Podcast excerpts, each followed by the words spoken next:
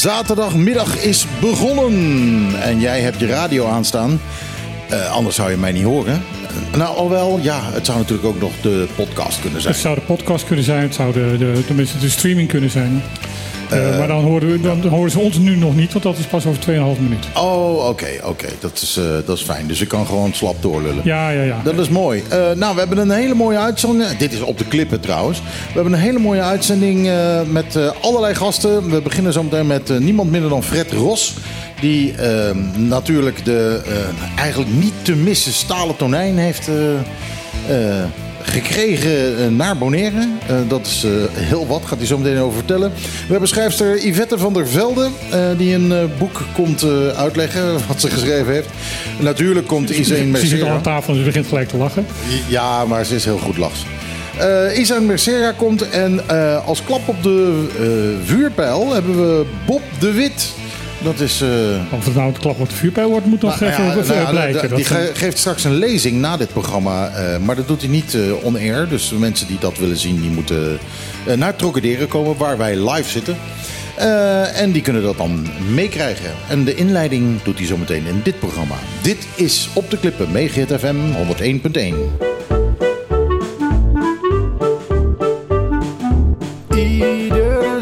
Zaterdag tussen 12 en 2. Live met Michiel en Martijn. Wat een feest! Dit is op de klippen. Mega 101.1.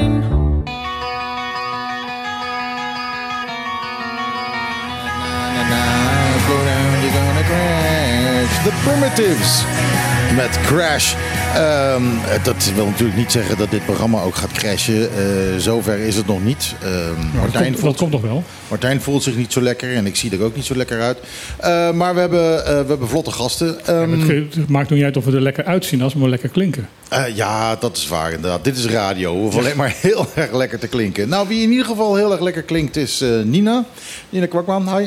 Bontardi. Bontardi, ja, dat, want dat is het alweer. jij ziet er heel fris uit. Ja, misschien heeft dat te maken met dat ik drie weken op vakantie ben geweest. En, in Nederland? Uh, ja, in ja, Nederland. dat is heel fris. Bij de open haard met de kat. En uh, ik heb echt heel weinig gedaan eigenlijk. Dus dat is uh, misschien dat ik daardoor wat frisser eruit zie. En nou begint het grote werk weer. Ja, dat is al begonnen. Ik ben ja. alweer een week terug op kantoor. Dus ik ben weer helemaal uh, terug hoor, back in business. Nou, het is heel fijn dat we jou aan de tafel hebben uh, als uh, tafelgast. Want dat moet ik natuurlijk ook even zeggen. Ja, dank jullie wel voor de uitnodiging wederom. Ja, graag. Je zegt af en toe zinnige dingen. En dat is, dat is eigenlijk het, dat is meer dan gasten het belangrijkste wat we willen. En niet alle gasten zeggen even, even zinnige dingen. eveneens aan de tafel op dit moment al, ze komt zo straks pas aan de beurt, Yvette van der Velde. Uh, uh, ja, je zet, zet, je koptelefoon op, kun je uitschelen. Goedemiddag. Uh, je moet heel dicht bij de microfoon komen. Ja, dat okay. zeggen we elk programma weer. Ehm, je moet hem bijna we kussen. Moeten, we moeten eigenlijk Kunnen een tegeltje op, maken. Ja. Ja. We moeten eigenlijk gewoon een tegeltje maken hier op de tafel van dicht bij de microfoon. Kus de microfoon. Yvette, je hebt een boek waar je zo meteen over komt vertellen. Maar eerst... Uh, recht tegenover mij aan de tafel, dat je er een beetje beeld van hebt. Uh, hier live in Tocadero zit uh, kunstenaar Fred Ros. Bontardi, Michiel. Uh, Bontardi, Bontardi. Veel mensen, veel mensen kennen hem eigenlijk alleen maar van uh, dat, hij, uh, dat hij kippetjes rookt en bij ja. Van de Twil verkoopt. Maar uh, lang daarvoor was hij een best wel gevierd kunstenaar en eigenlijk nog steeds wel daarnaast. Alleen dat zien we niet zo erg gebeuren op Bonaire. Jij hebt, je, hebt, je bent al eerder in dit programma geweest, over je tripping tuna. een hele grote stalen tonijn. Inderdaad, ja. En uh, die was toen uh, net af en die moest nog naar Nederland komen. En dat is nu gebeurd. Ja, ja alvorens ben ik... Dankjewel voor de uitnodiging. Natuurlijk. En uh, alvorens heb ik zes maanden in Nederland een tour gemaakt... om de bekendheid te genereren van het project. Uh, bij de Zwarte Cross Grand Prix. Ja, hij was overal, hè? Terschelling, Maritiem Museum, opening ja. havendagen, wereldhavendagen. En uh, dat is allemaal heel goed gegaan. En toen is hij hier uh, op een boot, via een boot gekomen. En toen hebben we hem geparkeerd. En inmiddels is de opening vorige week geweest bij Macarocca. En daar is een museale ja. wand. En daar um, is ook de opening geweest van de officiële trailer. Die je ook kan zien op de website. Ja. En dan staat nu staat hij bij Van de Tweel. Ja. Wat weegt dat ding? Dat is de vraag 300.000 die ik heb gekregen deze week. Want dat is namelijk ook een, uh, een spel wat mensen uh, raadt de, wat die weegt. En dan kan je hele mooie prijzen, onder andere hier bij, Coca, uh, bij Coca hoe heet dat? Trocadero. Trocadero. Dat je de, um, hier kan je maaltijden krijgen voor twee personen. En um, raad het gewicht en er is een kleurplatenwedstrijd. ja, en, voor de kids. voor de kinderen. En die kunnen ook hele mooie prijzen winnen. Surfuren, uh, vier gangen menus. Vind ik hartstikke leuk. Ouders aan, aan, de, aan de bar, kinderen aan tafel. Vind ik superleuk. Heel veel restaurants doen eraan mee. En, ja, leuk. En ook hetgene die nog mee wil doen, stuur me een appje, geef die kinderen. En het belangrijkste is dat de kinderen geconfronteerd worden met wat is het doel, namelijk door middel van moderne kunst onder water een ervaring beleven. En dat hoop ik dat kinderen dat al in een hele vroeg stadium uh, proberen mee te krijgen. Ja, want dat is het idee. Hè? Hij staat nu in Van de Tweel, ja. maar hij moet het water ingaan. Ja, bij um, uh, Oilslick. Bij Oilslick liep gaat hij erin. Ja. Um, uh, maar hij hangt niet, het is niet zo dat hij aan een ankertje hangt of zo, ja. toch? Ja, hij heeft een opwaartse druk van uh, 150 kilo. Okay. En dat heb ik expres gedaan, omdat als het te licht is, gaat hij zweven over de, over de vloer. En hoe harder het opwaartse druk is, hoe stabieler die is. Ja, dus hoe ja. mooier die ook door het landschap onder water. Ja, was het niet ook de bedoeling dat hij op een gegeven moment gaat zwemmen? Ja, dat is ook de bedoeling. Maar dat is, dat is nog steeds een plan. Dat is, nog, niet, uh, dat is nog niet geïnstalleerd. Nee, en uh, de, kijk, het allerbelangrijkste is dat het uh, project een enorme bekendheid krijgt binnen 80, 90 procent ja. van de Bonaireanen. Eén dingetje ga ik nog doen buiten Bonaire met de Tuna. Dat is, hij gaat per helikopter samen met mij naar de Tafelberg in Curaçao. Een nachtje overnachten. En dan, uh, Een nachtje op de Tafelberg. op de Tafelberg om ook het publiek in Curaçao, Aruba en de omgeving hier... Uh, ja, dat ze geconfronteerd worden waar het, waar het in werkelijkheid om gaat. Om de enorme grenzeloze verbinding tussen onderwater, mens en natuur. Ervaar dat op een andere manier. Mag ik tegen jou zeggen van dat je naast dat je een hele goede kunstenaar bent... ook een ongelooflijke goede promotor bent? Ja, dat denk ik ook wel. ik, vind echt gewoon, ik zit met bewondering te luisteren hoe jij dat doet. Oké, okay, uh, het, is niet, niet, uh, ik bedoel helemaal niet lullig, maar ik bedoel het echt gewoon als compliment. Van, van veel mensen kunnen, kunnen inderdaad creatief heel, heel goed zijn. Maar jij weet het ook gewoon nog te verkopen op een, op een hele goede en positieve manier. Dat, uh, ja, dat hoop ik. En wat ik ook erg leuk vind. Dat ik op een hele leuke manier kan verbinden met Stinapa, ja. OLB, Nina. mensen die, die enorm ook zich in willen zetten voor, de, voor, de, voor het mooie van het project. Mm -hmm. Yvette, uh, jij komt van Curaçao. Ja. De Tafelberg, Ik is, dat, op uh, Curaçao. is die Tafelberg is die, uh, te bezoeken? Kun je, kun je daar bovenop komen? Jazeker. Je moet eh, een beetje goede conditie hebben. Heel vroeg morgens gaan. Oké. Okay. Half zes, zes uur uh, vertrekken. Ja, ik ga met de helikopter. Ja, ik wilde al. Ik, ik, vroeg me af, hoe ga je dat doen? Ik ga vanaf hier met de helikopter. Ja. De, toen en hangt onder de helikopter, takelen? ik ga oh, mee wow. en dan uh, gaan we daar een nachtje slapen. Dus Mag je ik gaat ook mee? Fantastisch. Ja, ik weet niet hoeveel er mee mogen. Dat Mag ik ook mee? Ja, ik ben er al. ik moet zo lachen, want ik kan er echt niks anders denken dan dat de tuna wordt opgediend op de Tafelberg. nou ja, dat, ja dat, is het misschien ook wel. Uh, Prachtig. 200 meter hoog. Ja, 197 meter en uh, het lijkt me een fantastisch uitzicht. Maar het gaat vooral om het uitdragen van het symbolische. Ja. Want, ja, wat, jouw mooi. idee is ook wel leuk. Stalen prei erbij, een paar stalen krieltjes. Ja, precies. Uh, gewoon een heel diner. Nee. en, een, en een kwiksausje. Ja, maar dan wil ik de volgende keer wil ik een stalen gerookte kip. oh ja, die is ook goed. Dat is helemaal geen slecht idee trouwens. Maar uh, uh, ja, wanneer, wanneer gaat hij bij Oil Slick Liep het water in? Uh, als 80% van de Bonaireanen bekend zijn met dit, pro met dit project. Ik wil nog een uh, tentoonstelling in het Wilhelminaplein hier maken. Met, uh, dat hij daar staat met alle fotografische beelden eromheen. Ja. Um, dat is wel een beetje link natuurlijk. Want uh, als hij, dan moet je hem echt uh, overdag daar neerzetten en s'avonds wel weghalen. Want, uh, nou, nee hoor. Laat het 24 uur per dag staan. Al die dronken lui hier zo. er staat nu al bij Van der Tweel dat je, niet, dat je er niet op mag klimmen en dat je hem niet eens mag aanraken. Ja. dat, nou, daar verzinnen we wel wat voor. Als je hem hier gaat neerzetten, dan, dan weet ik het wel. Dikke kans ook dat bij Oyster liep al die duikers er ook op gaan hangen.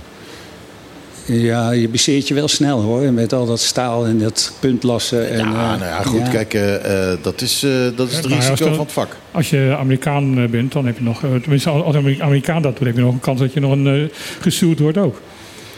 Ehm, Oh ja, ja inderdaad. Nou, zullen we het gewoon op het hele leuke houden?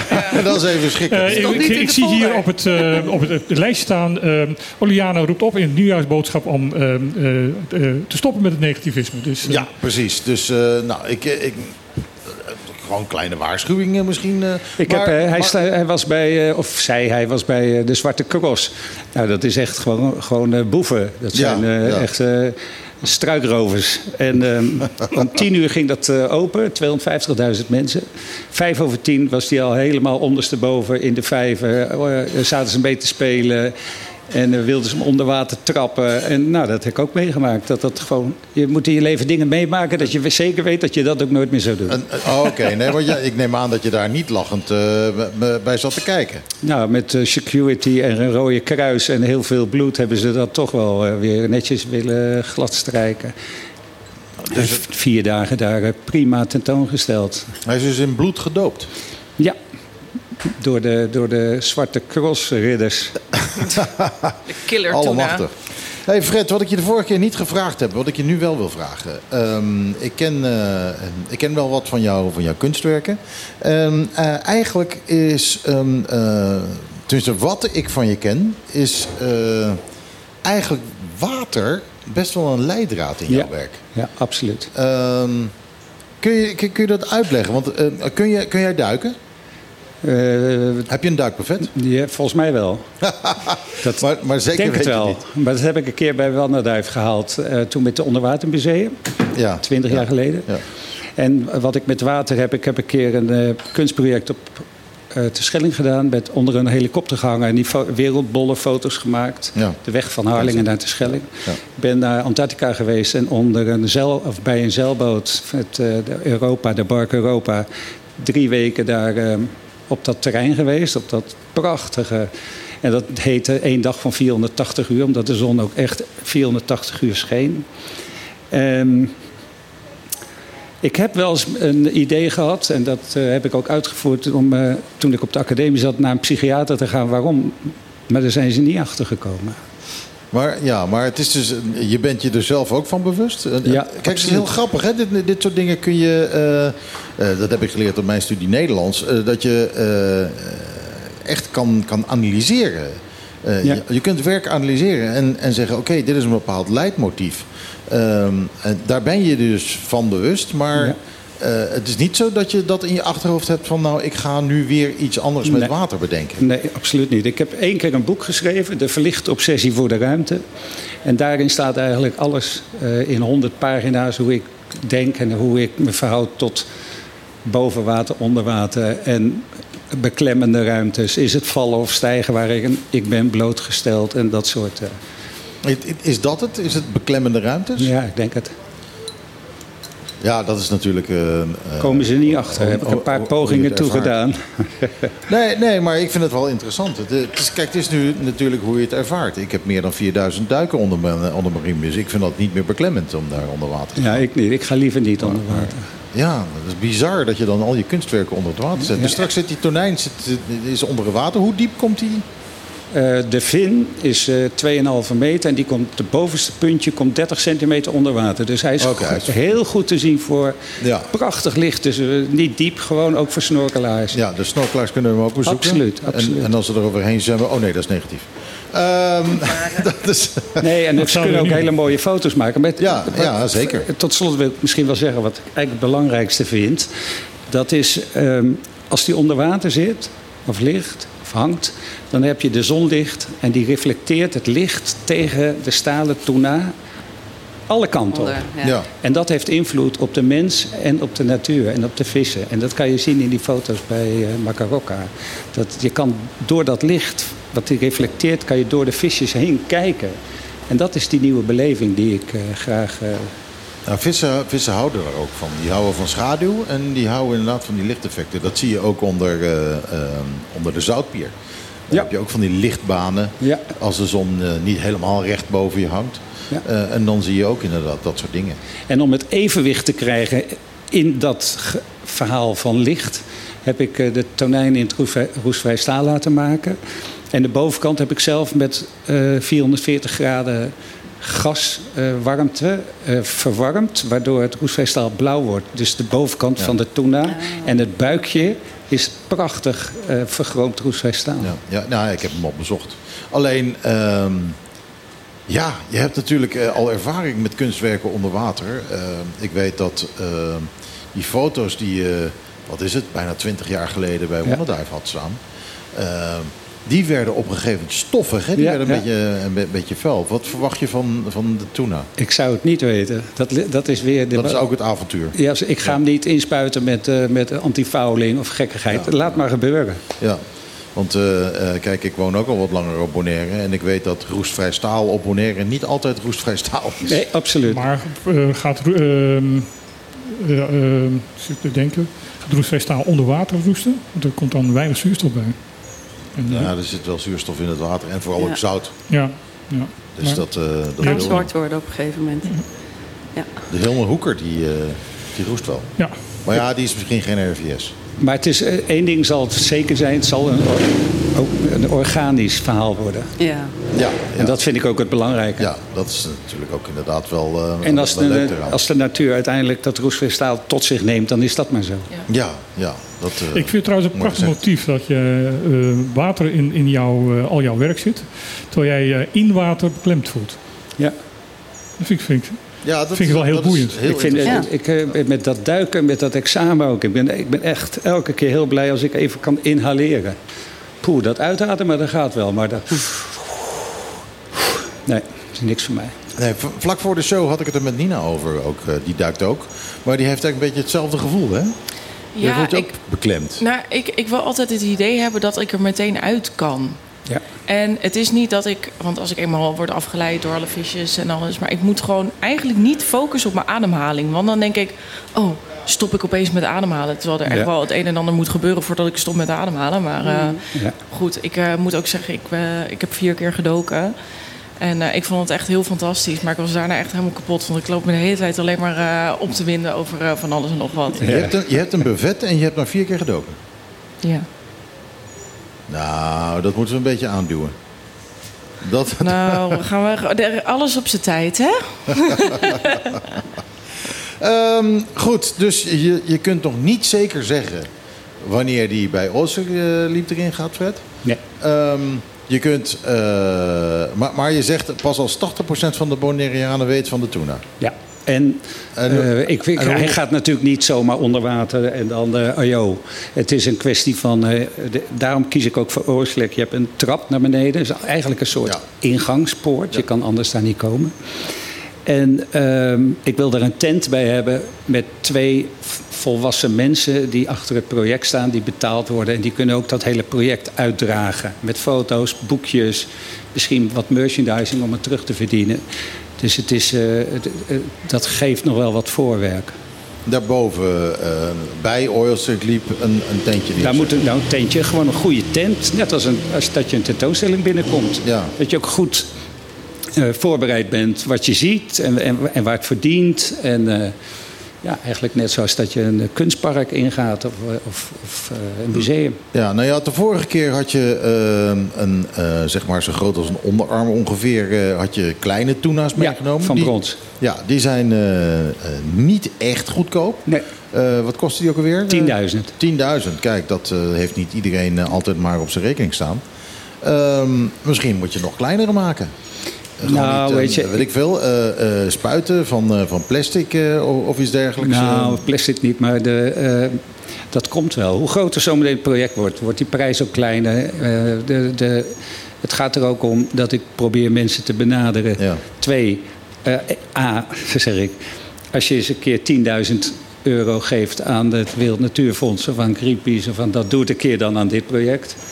Of laat een goede erfenis na of zo, zoiets. En, Nee, ik, eh, en B vind ik, ik vind dat is echt ook een oproep hoor. Dat wordt door zoveel mensen best wel heel veel geld verdiend. Hè? En eh, probeer dan ook eens eh, deze kant op te kijken. Ja. Ja, ik, eh, ik wil wel een sleutel hangen hoor, van de Tuna. maar eh, daar ga ik geen 10.000 zaken voor neerleggen. Hartstikke bedankt dat je er was, Fred. Ja, ik ga gauw weer Eh, roken, want ik moet zo weer, Ja, ik weet dat jij weer door moet. Ehm, eh, de Tuna is tot hoe lang nog bij Van het Wild te bekijken? Ik, officieel tot donderdag, maar ik hoop dat we het over het weekend heen kunnen tillen. Ja. En dan wordt hij gewogen met een eh, kraan. En dan wordt de, is de prijsuitreiking ook ter plekke maandagmiddag of dinsdagmiddag. Dus En, je, weet, eh, oh, je weet zelf ook niet hoeveel die weegt, of wel? Ik zou het niet weten. Grappig is dat. Ja. Dus, dus, dus ja, je kunt ook niemand voorfluisteren, want Nee. hij moet nog gewogen worden. Nee, ja, daarom. Dus de vraag heeft ook geen zin om hem aan mij te stellen. Oh, oké. Dus nou met andere woorden een oproep. Laat Fred met rust. ja, nou, ik denk eh, dat dat het laatste is wat hij wil op dit moment natuurlijk. Die, Nou, eh, hij is om te kopen met 10.000 dollar, eh, dollar, maar hij weet het niet. ja, ja, ja. Nee, ik weet echt niet. Goed. eh, nou ja, Dankjewel. Eh, succes met je le- programma. leuk, leuk dat je er was weer. En eh, nou ja, als we weer, nou, zullen we afspreken dat als je het water ingaat, dat je weer langskomt? Ik kom wanneer je wil. Bij deze afgesproken. Oké, leuk programma. Dankjewel. nou, je had het net over, over struikrovers. Dus ik heb een struikroverplaatje. Adam and the Ants met Stand and Deliver. Dat is absoluut niet Adam and the Ants en Stand and Deliver. Dat moet ik anders doen. Nog een keer? Ja, hij komt heel langzaam op, hè? Dat krijg je dan. Daar in de verte is die.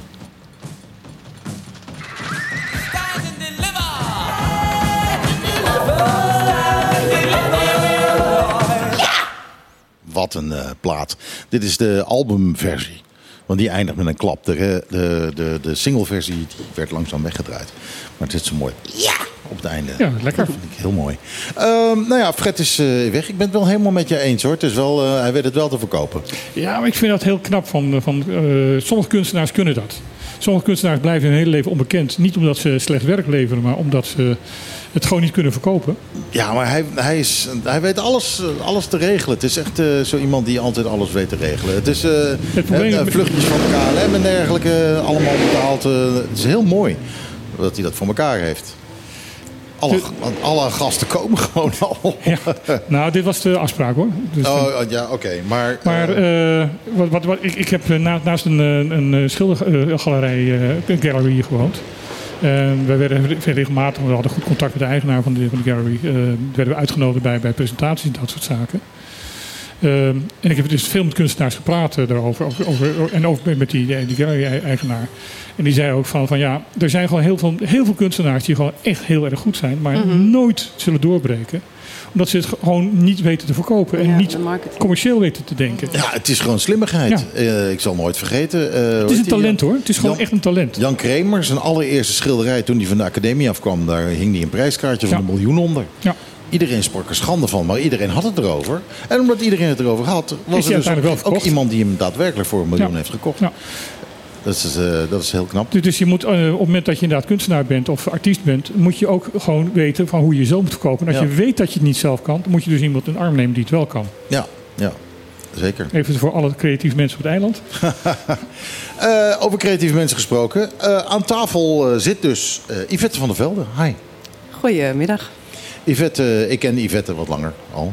Ehm, Wie ken jij niet? Eh, nou, eh, ik heb geen idee. D- d- d- dat weet ik niet, want die ken ik niet. maar eh, Yvette komt van Curaçao. En eh, Yvette, jij hebt een boekje geschreven. Het is een heel klein boekje. Ehm, Knikken heeft geen zin. gelukkig maar. Ja, het is een klein boekje. Gelukkig met maar dat- veel informatie. Dat een klein Nee, boekje ik moet is. even zeggen, want ik zag jij hard knikken. En ik dacht Ik van mezelf, wacht op uh, dat, Michiel dat zijn horen. volzinnen. Het, boek, het boekje heet eh, Ruim. En eh, waar gaat het over, Yvette? Ja, eh, Ruim is geschreven door mij als professional organizer. Professional organizer helpt mensen als ze het gevoel hebben dat ze te veel spullen hebben. een beetje overweldigd te raken door, door de spullen. Ze willen ze opruimen. verminderen, minimaliseren, overzicht brengen in, in hun huishouden, in hun leven. Ehm, en ik help dan weer om eh, orde te brengen Ja. in de chaos. En ehm, ik kan wat voorbeelden noemen ehm, waarom spullen ja, lastig kunnen zijn in je leven. Je zou denken van nou, spulletjes hebben is leuk. eh, maar soms eh, kan, het je, ja, kan het zwaar gaan voelen. Eh, bijvoorbeeld, ik noem even een voorbeeld. Ehm, je hebt een vaasje gekregen ooit eh, van je ex-vriend of zo. Nou, dat vaasje dat staat dan mooi ergens of staat in een kast. En eigenlijk elke keer als je dat vaasje ziet, dan denk je van... Jezus, wat was dat toch een eh, niet zo'n aardige man, bijvoorbeeld. Eh, dus dan denk je elke keer aan die vervelende ex. Nou, uh, dus het geeft, het, het, het geeft jou een bepaalde negatieve emotie, die eigendom die jij hebt.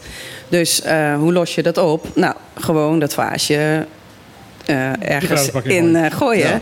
Of, ja, of weggeven aan iemand die het wel gewoon heel ja. erg mooi vindt. Ja. Maar dat is blijkbaar een moeilijk ding. Ik, ik bedoel, ik, ik denk een, opruimen. Mijn moeder zei altijd tegen me: ruim je kamer op. En dan ruimde ik mijn kamer op. Dus zo van: nou, alles een plek. Ja. Ja. En, en klaar. Maar zo simpel is het dus niet. Nou ja, er zijn mensen die gewoon altijd achter zich alles weer in de staat brengen zoals het was.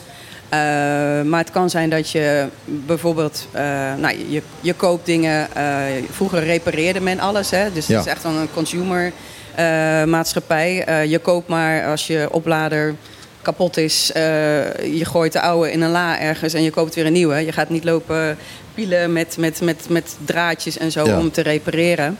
Maar die oude hou je dan? En die oude, die hou ja. je dan. En op een gegeven moment heb je zo'n hele la vol met dat soort spullen. Mijn god, dat ben ik. ik, echt, ik, ik heb laders vol met oude telefoons bijvoorbeeld, ja. waarvan ik niet eens weet. Ik bedoel, ik weet dat die, die, die simkaartjes, die passen niet eens meer in die telefoons. Ja. Nou ja, die moet je dan uh, gewoon wegdoen. Uh, Echt waar? Ja, gooi ze gewoon weg.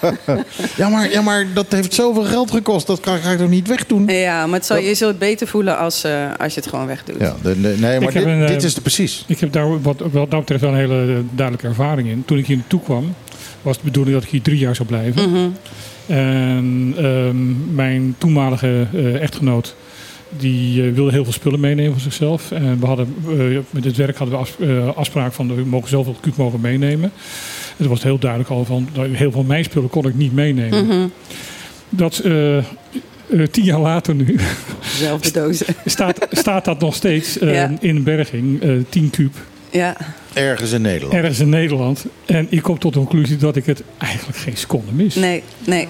Ja, maar dat is het, dat je het niet nodig hebt. Klopt, klopt. Inderdaad, als je op een gegeven moment hebt van een jaar niet gebruikt. Uh, een jaar heeft het in je, in je geest en in je kast heeft het uh, ruimte ingenomen. Je bent er toch mee bezig. Hè? Zo van, Mhm. ah ja, die dozen moet ik nog steeds een keer uitpakken of hier naartoe laten halen. Het, het neemt tijd qua, qua uren, zeg maar. Ja. Uh, en, je bent, en, en het neemt ruimte. Misschien heb je een, uh, een storage locker of zo in Nederland. Of, ja, die heb ik dus. Ja, ja nou, zonde van het geld. Um, dus bezittingen nemen wel energie. Ja. En um, als je die opruimt, letterlijk wegdoet, projecten afhandelt, stapels papieren. als je dat afhandelt, dan heb je weer ja, rust in, in je huis, maar ook in je hoofd. En dat is, het is echt een, een, feit. Ik heb dat bij mijn vader meegemaakt toen mijn opa en oma in 2019 kort achter elkaar overleden. Um, zij hebben eigenlijk tijdens hun huwelijk alles verzameld. Mijn oma verzamelde alles, krantenknipsels tot. Nou ja, en mijn vader is daardoor dus echt nog twee jaar mm -hmm. tot na het overlijden alleen maar bezig geweest met spullen uitzoeken. En kan je dat wegdoen? Wat kan je wel niet? En dat heeft ook echt best wel. Ja, dat is emotioneel is dat heel mm -hmm. zwaar geweest. Mhm. Mm -hmm. En. Um, nou, ik was dan uh, in, in, Nederland uh, met de feestdagen en hij heeft echt wel uh, veel gehouden. En hij had zelf ook al veel spullen, want hij heeft het niet van een vreemde, ik trouwens ook niet. En toen heb ik wel tegen hem gezegd van, hé, hey, ja. ik heb het gezien wat het bij jou heeft gedaan, dat gaan we even anders doen. Ik maar... heb dat met mijn ouders anders gedaan. Met overleg met mijn ouders. Die verhuisgevend van een heel groot huis, drie verdiepingen, naar een, een, een, een flat met drie kamertjes. Dus heel veel spullen die ze hadden. Het hele huis stond vol met spullen. Mm -hmm. Ik heb toen met ze afgesproken, jullie nemen mee wat jullie mee willen hebben. We, we richten eerst het nieuwe huis in uh, voordat jullie daar naartoe verhuizen. Er zijn ook een tijdje, mijn moeder uh, was toen al bedlegerig uh, in een hospice geweest om, om daar verzorgd te worden. Ehm, toen heb ik daarna, toen ze verhuisd waren, en, alles, en, en toen hebben we nog twee of drie spulletjes uit het huis meegenomen dat ze echt toch misten. En daarna heb ik eh, tegen de familie gezegd van jongens, kom maar langs. Neem mee wat je, wat je wil hebben. Mhm. En toen bleven heel veel spullen over. Toen heb ik een bedrijf ingehuurd die dat gewoon heeft leeggeruimd. Ja, En Ja. dat is, was zo'n opluchting dat je van jongens, het is, ja. ik herken wat je zegt. Ja, en dat, dat is ook mee. wat jij doet, dus jouw ja. bedrijf. En ehm, inderdaad, ik eh, adviseer, of ik heb twee eh ledig eigenlijk. Dus inderdaad, de, ik, mijn, dus ik heb klanten die zeggen van, of cliënten die zeggen van, ik wil dit voorkomen voor mijn kinderen. Kun je alsjeblieft met mij ervoor zorgen dat mijn huis gewoon overzichtelijk is, dat alles vindbaar is, eh, dat de mappen geordend zijn van, van, van eh, ik ben verzekerd daar en daar en daar, ik eh, notar- notaris die, eh, ik wil dat dat potje naar jou gaat en het potje naar, andere potje naar jou, zodat de, de, de, de eigenaar er al zelf, de vader, moeder, er al zelf over nagedacht hebben, zodat ze niet, dat niet aan hun kinderen over dit, dit speelt natuurlijk heel erg inderdaad bij, bij overlijden, Ja. bij een kleine gaan Ja. wonen, Ja. al dat soort zaken. Ja, klopt. En, en dus, dus ik, ik help dan de mensen hun huis klaar te maken voor als, ja, of zij overlijden of ze gaan kleiner wonen, de, de stap erna. eh na, eh, in het grote huis naar het kleine Mhm. huis. Maar inderdaad ook ehm, dat de kinderen me bellen vanuit Nederland, vanuit Curaçao. Eh, ja, ik heb hier een huis vol met spullen. Help me met, met, met zorgen dat Ja. het naar het goede doel gaat. Ja. Of, Het bedrijf wat ik had ingehuurd, die had als strategie dat het naar arme mensen in Polen ging. Ja, Nou, dan weet je in ieder geval, het komt goed terecht. ja, En dan denk ik van, ja, je oude rotzooi, gooi het niet weg. Geef het dan mensen in Polen. nou ja, er stond een Zitten oud, die ermee er stond een, oud eh, gas, er stond een eh, eh, best wel goed gasfornuis bijvoorbeeld. Ja, ja. Ja. Eh, wat, wat gewoon ehm, eh, niet mee kon, omdat in de, in de waar ze naartoe gingen eh, geen gas was. ja. Ook verboden was. Ja. En terecht, met oude mensen. Ehm, en ja, zij had zoiets van, ik weet nu al een hele arme moeder met vier kinderen alle- alleenstaand, die eh, dolgraag dit fornuis wil hebben. Ja. ja. Nou, en ik vind dat dan wel heel mooi. Ja, natuurlijk. En, maar ik, ik, ik, ik snap het ook wel. Eh, het is, eh, en daar had ik tenminste, nu begrijp ik het. Want ik had voorheen ook zoiets van, ja, opruimen, maar dan ruim je gewoon op klaar. Maar het is echt iets wat eh, eh, niet alleen voor jezelf is. Het is ook voor anderen. Wat je, wat je Mhm. doet. Het is inderdaad voor mensen die, die er anders mee opgescheept komen te zitten als jij wegvalt. Mhm. Ehm, maar het, ja, het geeft ook rust in je kop. Dat is het toch? Ja, Ja. Je bent, eh, je- ja, klopt. En jouw bedrijfje, eh, dat run je op Curaçao? Of, eh, of alleen eh, eh, op de ABC-eilanden? Of hoe ver ga Curaçao je? en, eh, en Bonaire. Ja? Ja, ja? Dat kan hier- zeker. Je doet het hier ook? Ja. Nou, dat is, eh, dat is goed om te weten. En, en- Yvette van der Velde. En eh, eh, ja, op Curaçao, de, de, ehm, ik, ik, heb, of ik heb gewoon een netwerk aan goede doelen. Eh, inderdaad, van, dan komt er een bed vrij, koelkast, dan doe ik wat belletjes en dan komt het gewoon goed terecht. Mhm. En ehm, ja, dat is gewoon hartstikke belangrijk dat je daar dus eh, mensen mee helpt. Ja. Straks bij mijn vader, want mijn moeder is, is twaalf jaar geleden overleden. Eh, mijn vader is nu 101, dus dat gaat Wauw. ook niet zo erg lang meer duren. Eh, Hij gaat nu ook sterk achteruit. Het, het, het grappige is nu, van, ik heb zelf dat huis allemaal ingericht in de tijd. Dus ik weet alles wat er staat, ik weet alles wat er is. En ik weet nu al, ik heb nu in feite in mijn hoofd al zitten van dat gaat daar naartoe, Ja, dat gaat daar ja. naartoe. Ik heb dat al inderdaad allemaal geordend al. En dat geeft inderdaad rust. Ja, ja, want anders blijft het in je hoofd hangen. Ja. Van ik moet nog iets doen. Ja, klopt. En een paar boeken weet ik al dat het naar mijn nichtje toe gaat. Van, ehm, eh, mijn, mijn vader was eh, 40 jaar eh yogadocent en mijn nichtje heeft dat overgenomen. Mhm. Die, eh, die is nu do- yogadocent, dat is heel leuk. Dus een hoop eh, literatuur boeken, daarover. materialen. Ja, dat gaat naar haar toe. Eh, nou, heel leuk om dat ook te weten. En zij weten dat ook, dat ze dat gaan krijgen. Mhm, Dat, eh, mhm. ja. Maar als je dat opruimt voor die mensen, hè, kom je wel eens iets leuks tegen? Dat je denkt van, nou, zij willen het niet meer. En dat jij denkt van, oeh, dit is nog, eh, eh, weet ik veel, historisch iets. eh, medaille uit de Tweede Wereldoorlog of zoiets. Ja. ik zeg maar wat. Ja, je komt wel eens dingen tegen, inderdaad. Er was laatst een, een, een piloot, KLM. Allemaal oude ja, certificaten, En badges en dat soort medailles dingen, en dat soort dingen.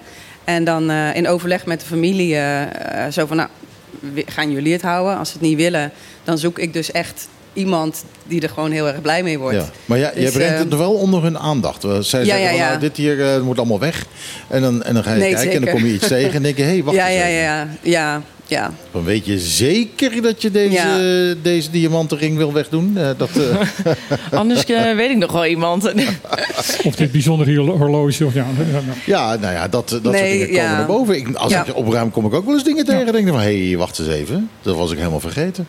Hey Yvette, ik heb eigenlijk nog wel een vraagje. Want eh, wat ik toch wel merk is dat iedereen heeft zo'n rommellade. Meestal in de keuken of iets waar je dan alles in gooit. Is dat eh, opruimtechnisch verantwoord? Dat er eh, gewoon één zo'n eh, vergaarbak is? Of is heb je daar nog tips voor? Ja, nee, ik heb er één. Ik heb er één, Ja. maar goed. Nou, inderdaad, het is, het is fijn om een ehm, één plek te hebben waarvan je zeker weet... daar liggen mijn sleutels of er ligt de afstandsbediening van iets. Ehm, maar zo'n la, ehm, als het door elkaar ligt... dan zou ik zeggen, koop van die aparte bakjes... En ga het ordenen op soort. Dus op kabeltjes, op pennen, ehm, op kleine Ja, centjes. ik heb van die oude batterijen Batterij- en de sleutels waarvan ik niet weet waarvan het is. Oh ja, nou, En- even testen en eh, wegdoen. Ik heb zelf altijd het eh, Minder maken, gehad van... minder maken. Als je iets tegenkomt, eh, als je gaat opruimen... alles wat je twee jaar lang niet hebt aangekeken, weg. Maar ik heb toch altijd. Ik ben best wel van opruimen en eh, Mm. alles heeft wel een plekje. En dan heb ik het zo in mijn handen. En dan denk ik, ja, als ik het nu weggooi, dan weet ik 100% zeker dat ik het overmorgen nodig heb. En daar baal ik dan zo van. Ja, En het is me echt, het is me echt gisteren, ik weet niet wat het was. Eh, oh ja, ik heb een, eh, een eh, muis weggegooid. Ik dacht, ja, die ga ik nooit meer gebruiken. En toen ging mijn andere muis kapot. Toen dacht ik, ja, Ja, ja, ja. Ik, eh, ik weet het precies. En daarom, ik heb, ik heb echt een hele... Ik ben aan een tweede doos begonnen ondertussen met kabels. En, en eh, mijn vrouw altijd, wat doe je met die rotsen? Wat is dat? Eh, eh, eh. Nou, en dan vervolgens is het van, oh ja, we hebben hier, ja, we moeten de- deze speler aan de tv doen. Maar, en, en dan doe ik mijn vingertje omhoog en zeg ja, maar Dat heb ik. dat kabeltje heb ik nog. En, Maar belast dat dat is jou? wel handig. Ja, Het- nee, het, last bela- van? het belast me niet, want er staat een hele grote doos ergens, eh, ergens in mijn studio en klaar. En het is ook Ja. echt jouw beroep. Ik bedoel, dit is jouw, jouw ding. Nee, nou, het, is, bedoel, het is zeker ja. een ding, maar wat natuurlijk wel zo is, is dat, ja, ik heb nog ergens zo'n zo'n kabeltje, maar dat kabeltje dat zit dan in een van die twee dozen. Dan moet ik die dozen helemaal door. En dat is, eh, ik moet nog iets verzinnen om in die dozen het dan nog op te ruimen in die dozen, dat ik het snel kan vinden. Dat, dat moet. Wat al heel scheelt, eh, kan ik je uit ervaring zeggen, want ik heb dezelfde tik natuurlijk, want ik zit ook in Ja. datzelfde beroep. Ook cable guy. Eh, Kabel. Ja, op, op, oprollen en een klittenbandje omheen. Dan, Ja. eh, dat Ja. scheelt enorm. ja, ja dat, eh, dat is zo. Ik heb misschien ook een leuke tip voor jou. Ehm, eh, ik heb eh, wc-rollen. Ja, Dan, dan rol ik het op, stop ik in de wc-rol. Dat ken je natuurlijk, jij bent een specialist erin. Eh, en gewoon zo'n kabeltje in een wc-rol. En dan, dan Even kun je dus. De, nou, dat hoeft niet eens, want de, de uitgangen van die kabeltjes, de ene kant en de andere Mhm. kant, zorg ik dat, ze, dat die aan één kant zitten. En die zitten dan, die komen dan bovenuit. En dan kan ik zien, oh ja, dat is dat kabeltje. En eh, die heb ik niet nodig, weg. En dan naar de volgende, totdat ik weet eh, wat ik heb. Ja, maar met de wc-rol doe je dan over, zeg maar, over Nee, de lengte in- of over de breedte? Nee, echt gewoon in, in in de holte, in de, Oh. Binnenin. Staat deze tip ook in het boekje? Nee, staat er niet in. Ah, ik ga gelijk nou, mijn boekje Komt, schrijven. er, komt, komt het tweede boekje aan, jongens. Eh, eh, ruim 2.0. Maar goed, over, ja, de, de, de, de reden waarom ik dit geschreven heb... is ehm, ja, om mensen te helpen. Want je, je kan soms dat je zegt van... ja, ik, ik heb zoveel spullen, het is overwhelming. Eh, je kan nou ja, ziek geweest zijn, er kan iets gebeurd zijn in je leven. Ik wil weer op... op of, dus je bent het overzicht een beetje kwijt. Ja. Ehm, en dat je denkt, waar moet ik beginnen? Nou, dan heb ik gewoon een stappenplan eh, omschreven Ja. in het boekje. Je begint bij het boek van Yvette van der Velde. Ja, en dan eh, Ja. komt het helemaal goed. boekje ligt eh, bij Bruna? Ja, ligt bij Bruna. Klopt. En nog ergens anders? Mensings Caminada op Curaçao ongetwijfeld. Maar, Bruna Curaçao. De Ja. Bruna Curaçao. Ja. Oké, eh, dankjewel dat je er was, Yvette. Bedankt en, voor de eh, uitnodiging. veel succes met opruimen. Thank you very much.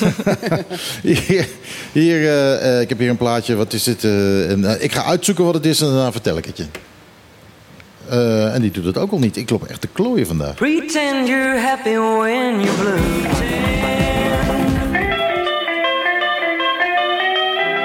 Elvin Stardust. Eh, hij is niet meer onder ons, maar ik weet wel weer wie die was. Namelijk de zanger van Pretend. Ja.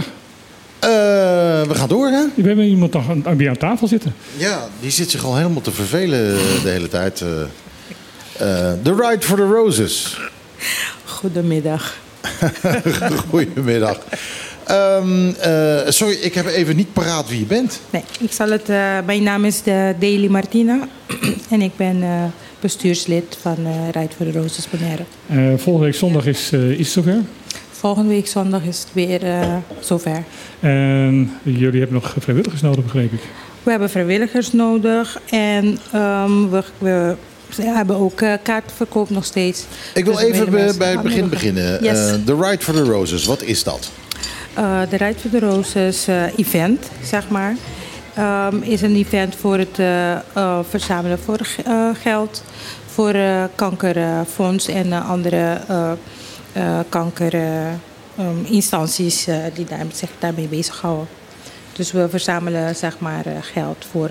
Ja, jullie zijn een soort van, van charity voor, ehm, voor kanker. In- ik heb gezien dat er heel vaak ehm, survivors meelopen. Ja, Mensen die kanker hebben gehad. ja.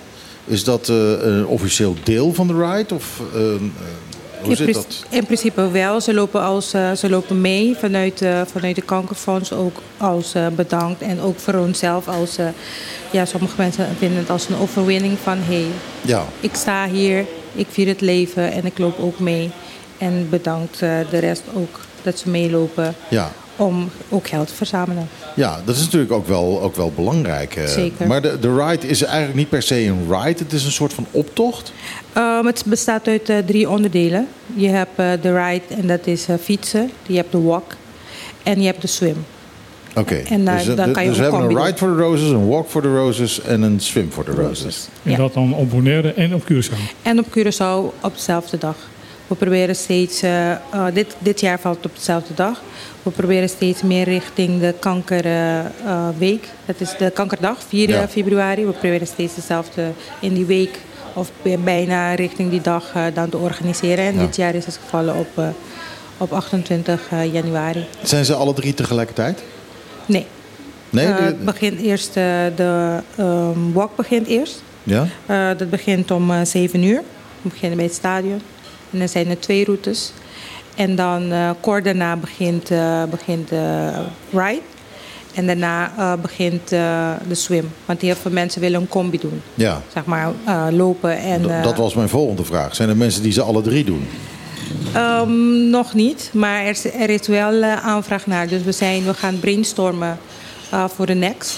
Om een soort eh, combi van te maken dat ze het alle drie eh, kunnen doen. Ja. Wat zijn de afstanden? Ehm, dat is een goeie.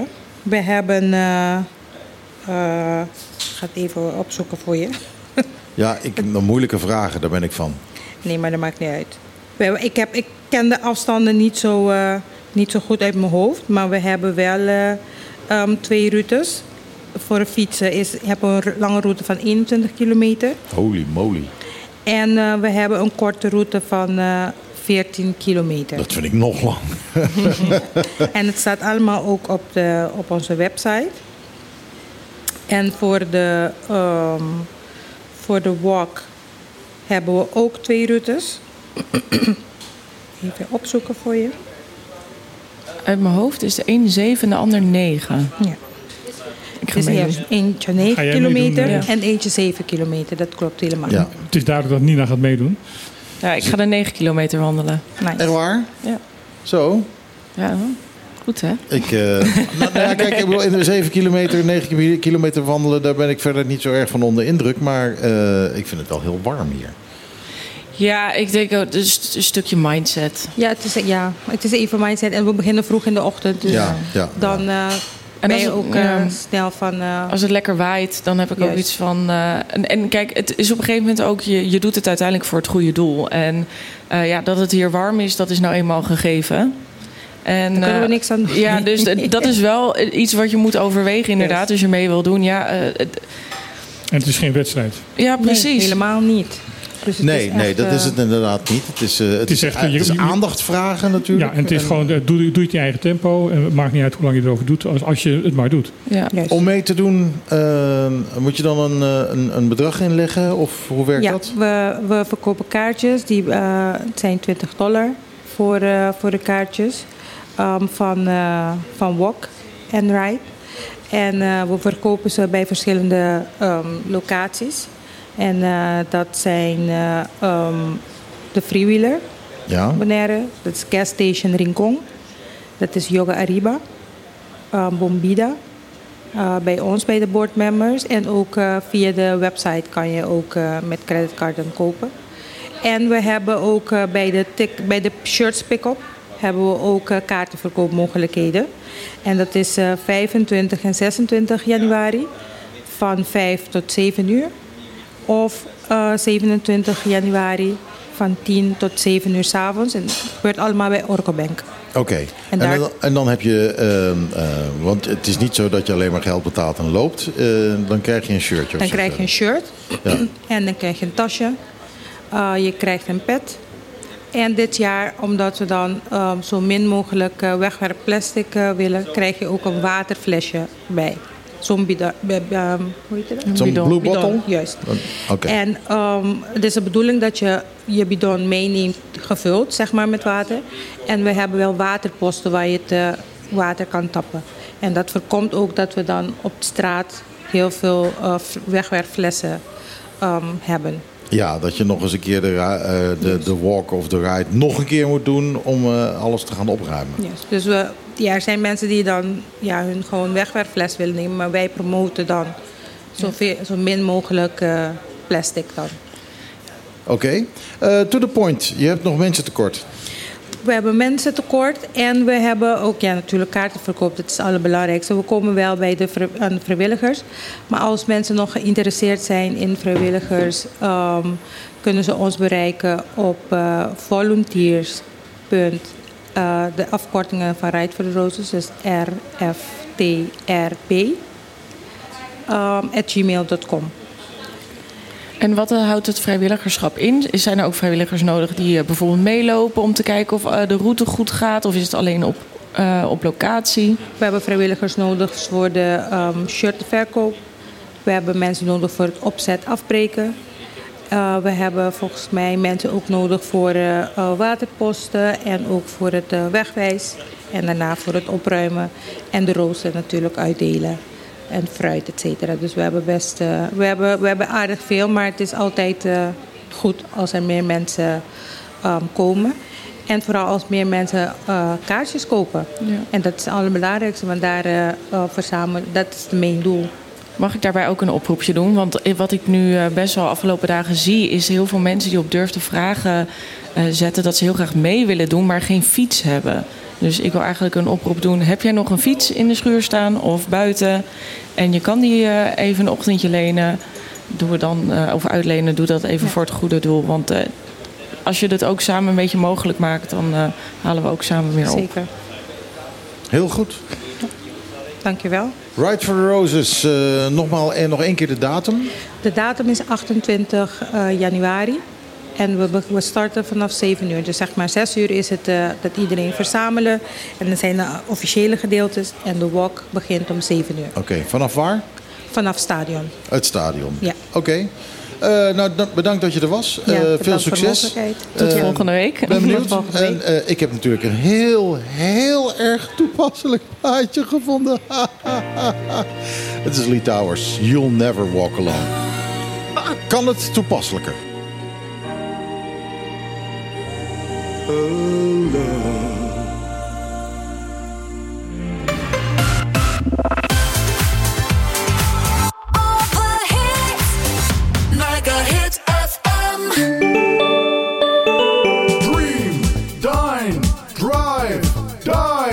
Hut Bonaire, een klein intiem resort met een no-nonsense vibe op loopafstand van Centrum Kralendijk aan de Kaya Dialma 11. De ideale uitvalsbasis om Bonaire te verkennen. Kijk voor meer info op de socials of op thehutbonaire.com. Dream, dine, drive, dive. The Hut Bonaire. Debatteren, dat is het met elkaar oneens zijn. Staan voor je mening. Maar respect hebben voor elkaar en samen zoeken naar de waarheid. Zaken die onverbrekelijk verbonden zijn met het fenomeen dat wij democratie noemen. Maar die democratie moet beschermd worden. Vrijheid komt niet vanzelf. Daarom is voor de Partido Democratico Bonaireano de onafhankelijkheid van de pers heel belangrijk. Zij zijn de waakhonden van de democratie en moeten in alle vrijheid hun werk kunnen doen. they keep us honest. Ook de politiek zelf heeft daar een rol in te vervullen. Daarom zet de PDB zich actief in voor de bescherming van de onafhankelijke journalistiek op Bonaire. PDB. Voor een rechtvaardig en duurzaam Bonaire. Ontdek Bonaire Automation. Al 18 jaar jouw vertrouwde lokale partner voor ICT en beveiliging. Als HP-partner hebben we de nieuwste apparatuur en alle gangbare inkt- en toner cartridges van HP op voorraad. Daarnaast zijn wij ook gespecialiseerd in geavanceerde beveiligingssystemen. Onze experts staan klaar om jou te helpen met persoonlijk advies en top-notch service. Je vindt ons aan het begin van de Kaya Nikiboko Zuid. Kies voor Bonaire Automation, jouw sleutel tot betrouwbare technologie.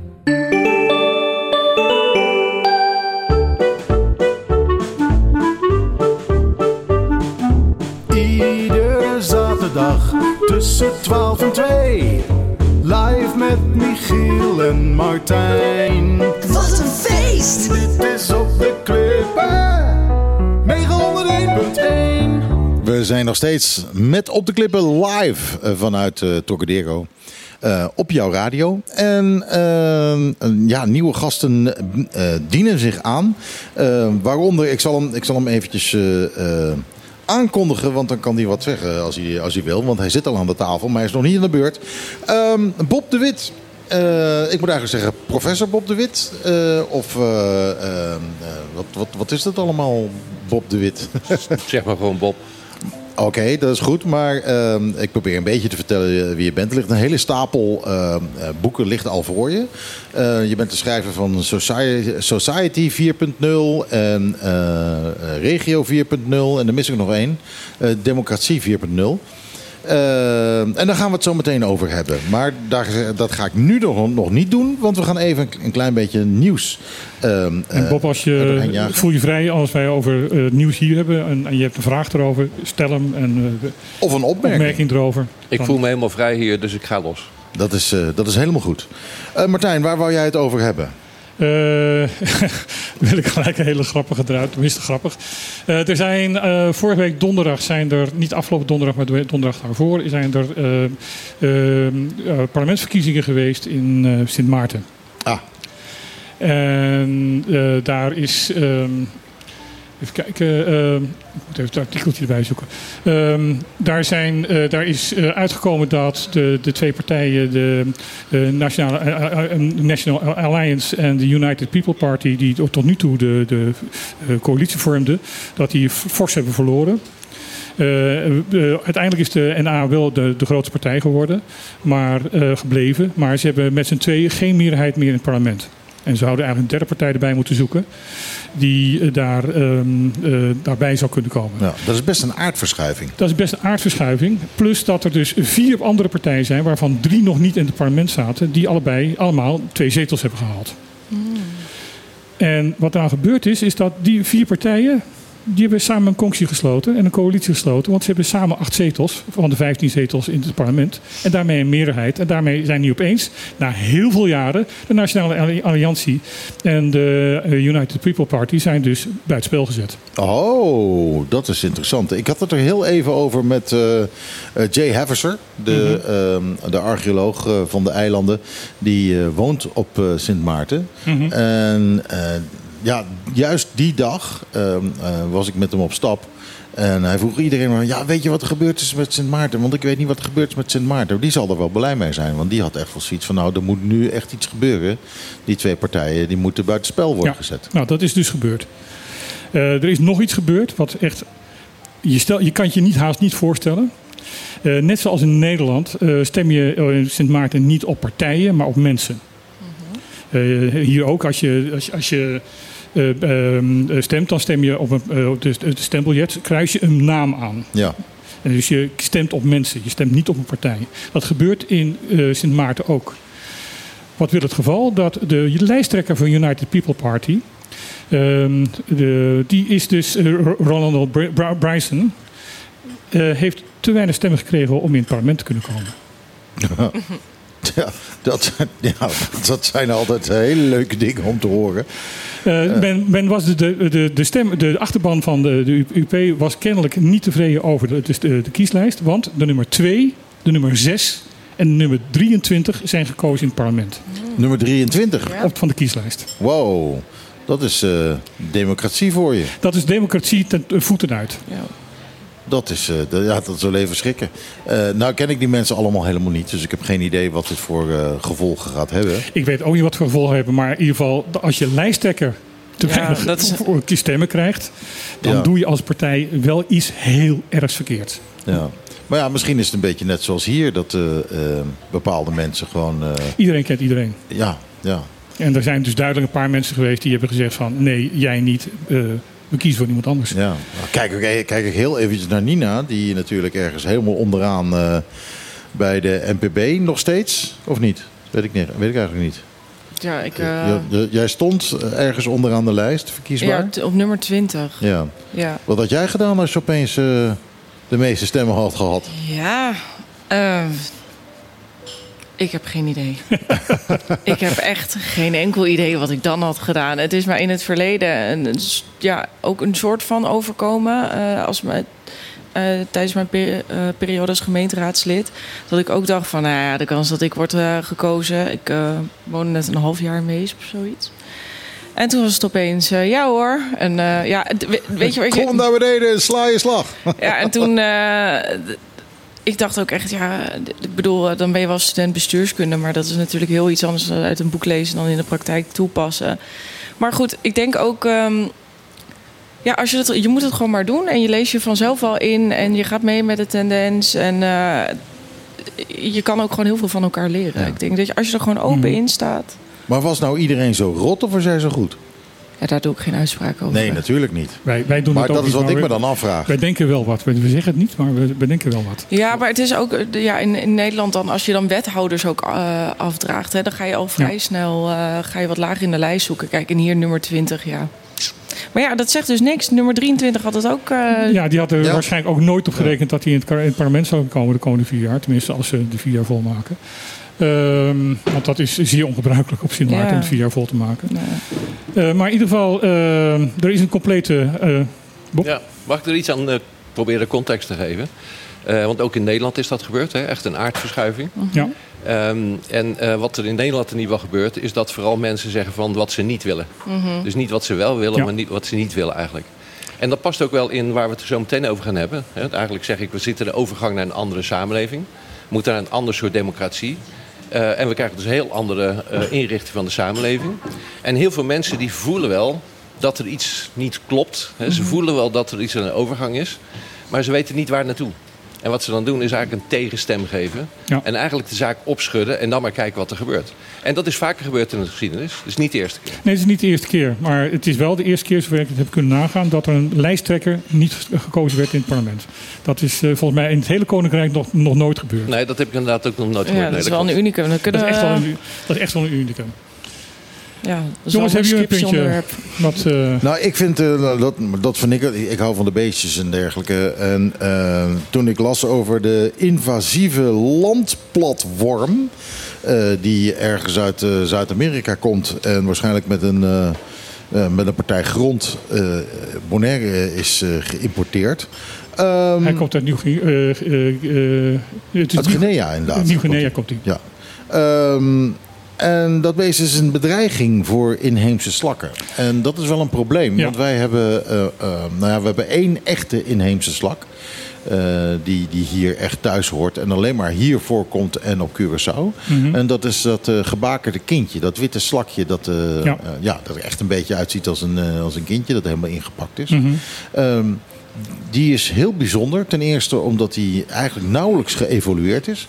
Die, eh, die ziet er nu nog steeds zo uit als dat hij eh, in het Pleistocene eruit zag of zo. Ehm, en eh, ja, die komt dus alleen maar voor op Curaçao en Bonaire. En laat dat nou net het soort slag zijn waar deze invasieve landplatform op, op aast.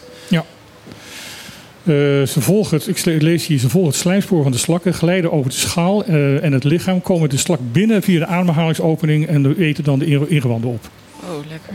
Ja, Lekker smakelijk, hè? ja, je zal maar een slak zijn. En dat, eh, maar dan nog steeds denk ik niet dat je dat erg leuk vindt. Nee. Ehm, Maar de hij is op twee plekken gezien. Ze zijn op twee plekken gezien, eh, allebei rondom de tuincentra.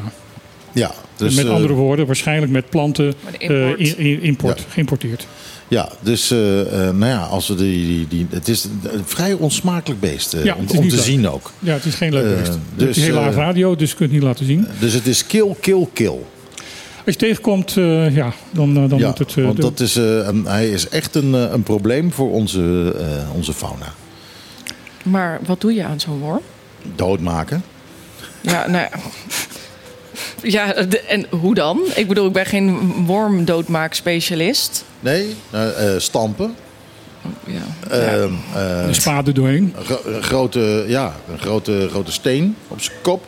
En als je niet weet waar zijn kop is, dan doe je zowel zijn kop als zijn kont. En dan weet je dat je in ieder geval zijn kop hebt gehad. Zoiets, denk ik. Ik weet nog wel vroeger op de basisschool dat er dan, dan kindjes waren die dan die wormen doormidden gingen knippen. En dan, dan, Ja, ja, bij, de, dat- hel- bij de helft als, als aas gebruikte. Nou, ja, of het gevaar is als je eh, met, met dit soort wormen, ik weet niet of het met deze worm zo is, eh, dat je een worm hebt, die knip je in twee en dan heb je twee wormen. Ja, daarom. Ja, dat, is toch dat wel... wil je niet eh, hebben. Nee, maar ze zullen ongetwijfeld erg goed als, als visaas zijn. Ja, dat denk ik ook wel. Ja, en dan kunnen we er misschien eh linefish mee, mee halen. Dan kunnen we die ook opeten. en dan is de cirkel dat, weer rond. Dat we met invasive beesten invasive beesten gaan proberen te vangen. En dan, ja, oké. Hoe dan ook, eh, zie je zo'n eh, onsmakelijke lange platte worm...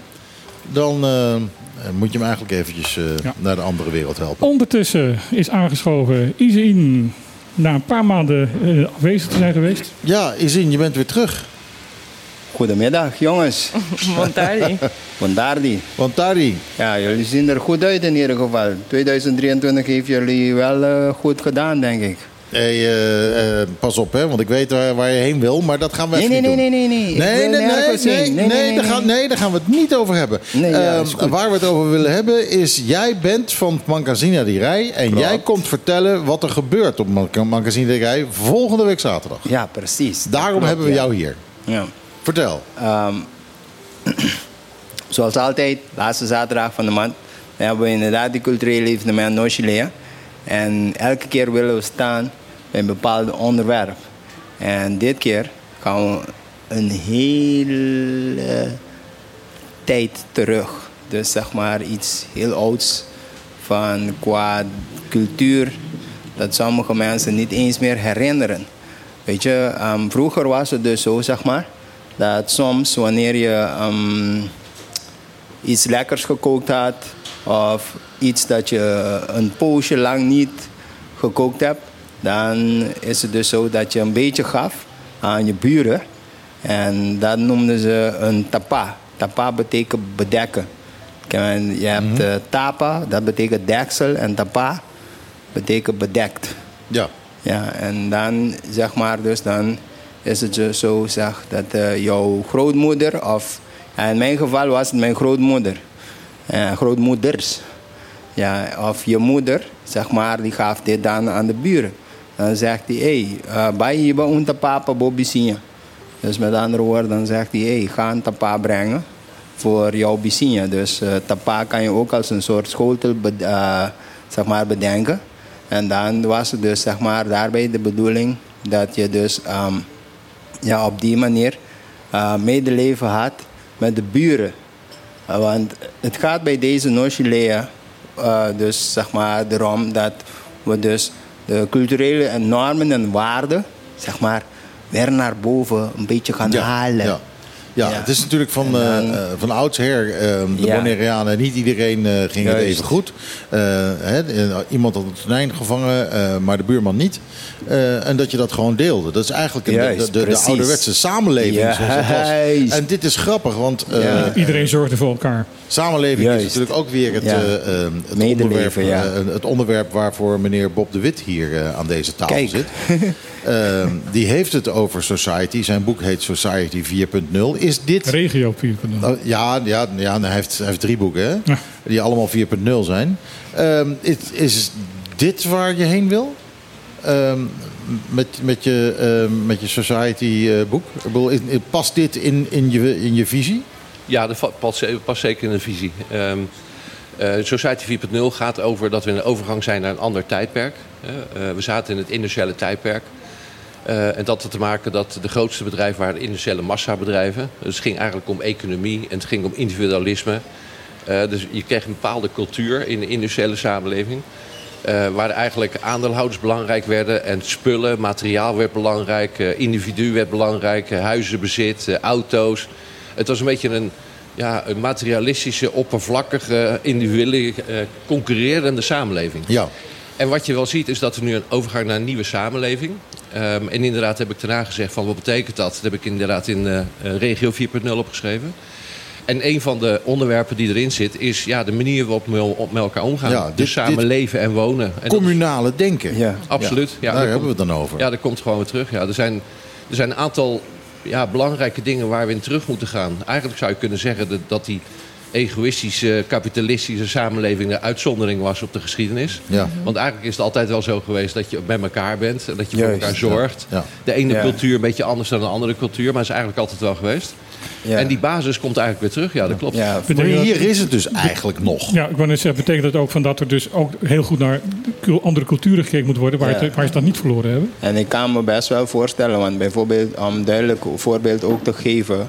ehm, ja, vroeger was het wat ze noemen samsam. Wat is samsam? Eigenlijk is het zeg maar dus dat, ja, dat, dat heet samsam van het woord samen. De, de, de term Ja, bestaat in het dan- Nederlands ook. Ja, en dan is het dus zo de bedoeling dat bijvoorbeeld de kunukeros, dus zeg maar de ehm, boeren, lokale boeren, dan bij elkaar kwamen. Aangezien dat ze geen geld hadden om me- eh, elkaar te betalen. Dus zeg maar, dan gingen ze bijvoorbeeld deze maand bij hem de huis bouwen. Volgende maand bij die ander de huis bouwen. Dus zeg maar, op dusdanige wijze deden ze met z'n tienen tien huizen bouwen gedurende een jaar door bijvoorbeeld. Waar, omdat ze gewoon geen geld hadden, zeg maar, om ja, die ander te betalen. En nu, net als meneer je zegt, dus dan heb je die individualisme, industrialisme en kapitalisme. Dan is dus zo, dan betaal je gewoon iemand op basis van de prestatie bijvoorbeeld. Of op basis van een project. En dan zegt hij van, goh, ik ga dat huis voor je bouwen. En eh, vroeger had je dat niet. Hoe, ga, hoe ga je dat eh, zaterdag, eh, vol- volgende week zaterdag laten zien?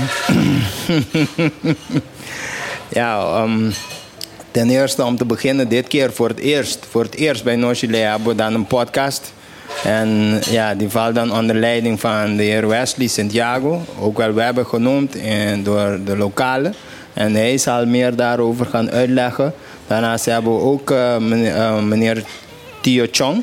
Wat even, niet- Wesley wordt Webbo genoemd? Wewe. Oh, Wewe. oké. Nee, ik- ik dacht even dat je- om nou iemand een ei te is noemen. ei. Ja, precies. Wewe. Sorry. Ja, en dan heb je ook eh, meneer Theo Chong Theodora. En hij zal dan dus zeg maar eh, meer gaan vertellen wat betreft normen en waarden. Maar daarnaast ook eh, hoe, je prioriteiten aanstelt. En zeg maar wat een norm is wat, en wat een waarde is. Dus zeg maar dan is het dus zo dat hij van oud school zeg maar ja, door zijn ouderen natuurlijk opgevoed is gedurende zijn eh, ehm, studietijd. En daar gaat hij het over hebben. Daarnaast heb je ook mevrouw Denise. En zij komt over eh, een paar etiketten, dus die kennen waarvan, dus van etiketten en zo. En dan zal ze het hebben over ja, ehm, sommige gebruiken en tradities die je niet meer terug ziet komen. Zoals bijvoorbeeld eh, de belangrijkheid van de aandacht schenken aan onze grootouderen of aan, aan onze ouderen. Maar daarnaast ook bijvoorbeeld eh, gebruiken zoals bijvoorbeeld wat voor kerkkleding je normaal gesproken moet dragen. Om ja, gepast dan te zijn voor wat betreft ja, kerkgelegenheid. En dan zal je het ook hebben, denk ik, ook dus zeg maar van oudshuis. Wat voor eh, kleding vroeger die mensen hebben gedragen. Daarnaast heb je ook Shoot. Die komt vertellen over een project die ze nu bezig zijn. Dus het ehm, samenbrengen van partners. Van eh, een project over eh, cultureel erfgoed. En daarbij zal hij ook aankondigen de dag dat ze een citycafé zullen houden bij Magazine Direi. Dus eh was best wel leuk, zou ik Ja, zeggen. zeker. Ja. Hoe laat begint het? Het begint al om tien uur. Dus het 10 begint met die podcast. En voor een uitgebreide programma kan iedereen volgende week op Facebook kijken. Ja, rond eh, donderdag, vrijdag zo. Dan doe ik het lunchen, want dan- soms als ik het al van tevoren ga doen, dan eh, gaan die mensen zeggen van, goh, ja, dan, eh, ja, zoals er iets verandert of zo, dan, Ja. ja. ja, dan pas Ja, ik het die gewoon Facebook, aan. die Facebook is de Facebook van Mangazina die rij. Correcto. Eh, en eh, wat ik altijd belangrijk vind, is altijd wat te eten. Ja, ik wou net zeggen. Ik kreeg al helemaal trek. Ik dacht, ja. Ik denk, eh, ja, ik denk ook van... Er is op eh, deze zaterdag altijd wat te eten dan. Ja, dat er is eh, altijd ja. wat te eten, dus inderdaad. Dan heb je verschillende standjes, niet alleen maar met eh, gerechten, maar daarnaast ook met eh, verschillende lokale lekkernijen, zoals een panseiku of een uh, tintelaria, verschillende taarten. Het En is, zo, het is Bonaire maar. geen feest als er geen eten is. Ja, precies. En ja. muziek. Ja, maar heb je al goed begrepen. Hier houden de mensen van eten en dansen. Ja, maar Dat als, klopt. Het, als de taart komt, moet je oprotten. Toch? Eh, als de bolo komt, dan is het klaar. Ik weet niet, dat Toch? zeg jij. Eh, dat, dat heb ik geleerd. Eh, dat is volgens mij de Nederlandse cultuur. Nee, dat- nee, dat nee, Ja, nee als- Nederlands komen binnen hier, met de taart. Hier, hier, als er taart komt, denk ik, dat betekent er is een kleine pauze. oh, Dus dacht wordt- het einde van het en feest. is. degene die na de taart blijft, dat, dat, dat, dat, dat wordt wildlife. Dus met andere woorden wordt eh, als erop en eraan. Trouwens, in Nederland heb je zo'n traditie wel, hè? Wat? Eh, als, als je gasten hebt en je wil op een gegeven moment dat ze na een paar dagen verdwijnen, dan moet je ze Een paar bij- dagen? Ja, als, Paar als, je, als, je, als, je, als je visite hebt. Als je Oh, mensen hebt die, ja. die logeren hebt en je wil eigenlijk ze kwijt, dan moet je ze een maaltijd geven met worteltjes. Dat Worteltjes? Is, dat is van oudsher de traditie dat je dan eh, de, als, als, eh, als gast het door heeft van ik ben te veel. Nou, dat, eh, dat heb ik niet. Dat- maar ik hou niet zo van wortels. Dan denk Dat moet je van, wel wat- weten, vijf niemand weet dat nog. Geven, geven ze me worstel, wor- wortels, dan ben ik weg. Want dan denk ik, "Bleh." dat is, maar dat werkt dan toch iets Dan anders. zou ik denken van, eh, ik ben geen konijn. Nee, precies, inderdaad. Nee, what's up? Ehm, eh, goed, dus volgende Ja, week dus vanaf 10 volgende uur. week, ja, vanaf 10 uur tot 3 uur. En zoals altijd, entree is gratis. Gratis Ja, in precies. een magazinerij. Wat Ja, sowieso natuurlijk leuk is om een hebben we beetje ook te eh, zeg maar, eh, verschillende bandjes die elke keer optreden. Dit keer hebben we optreden van Culturando.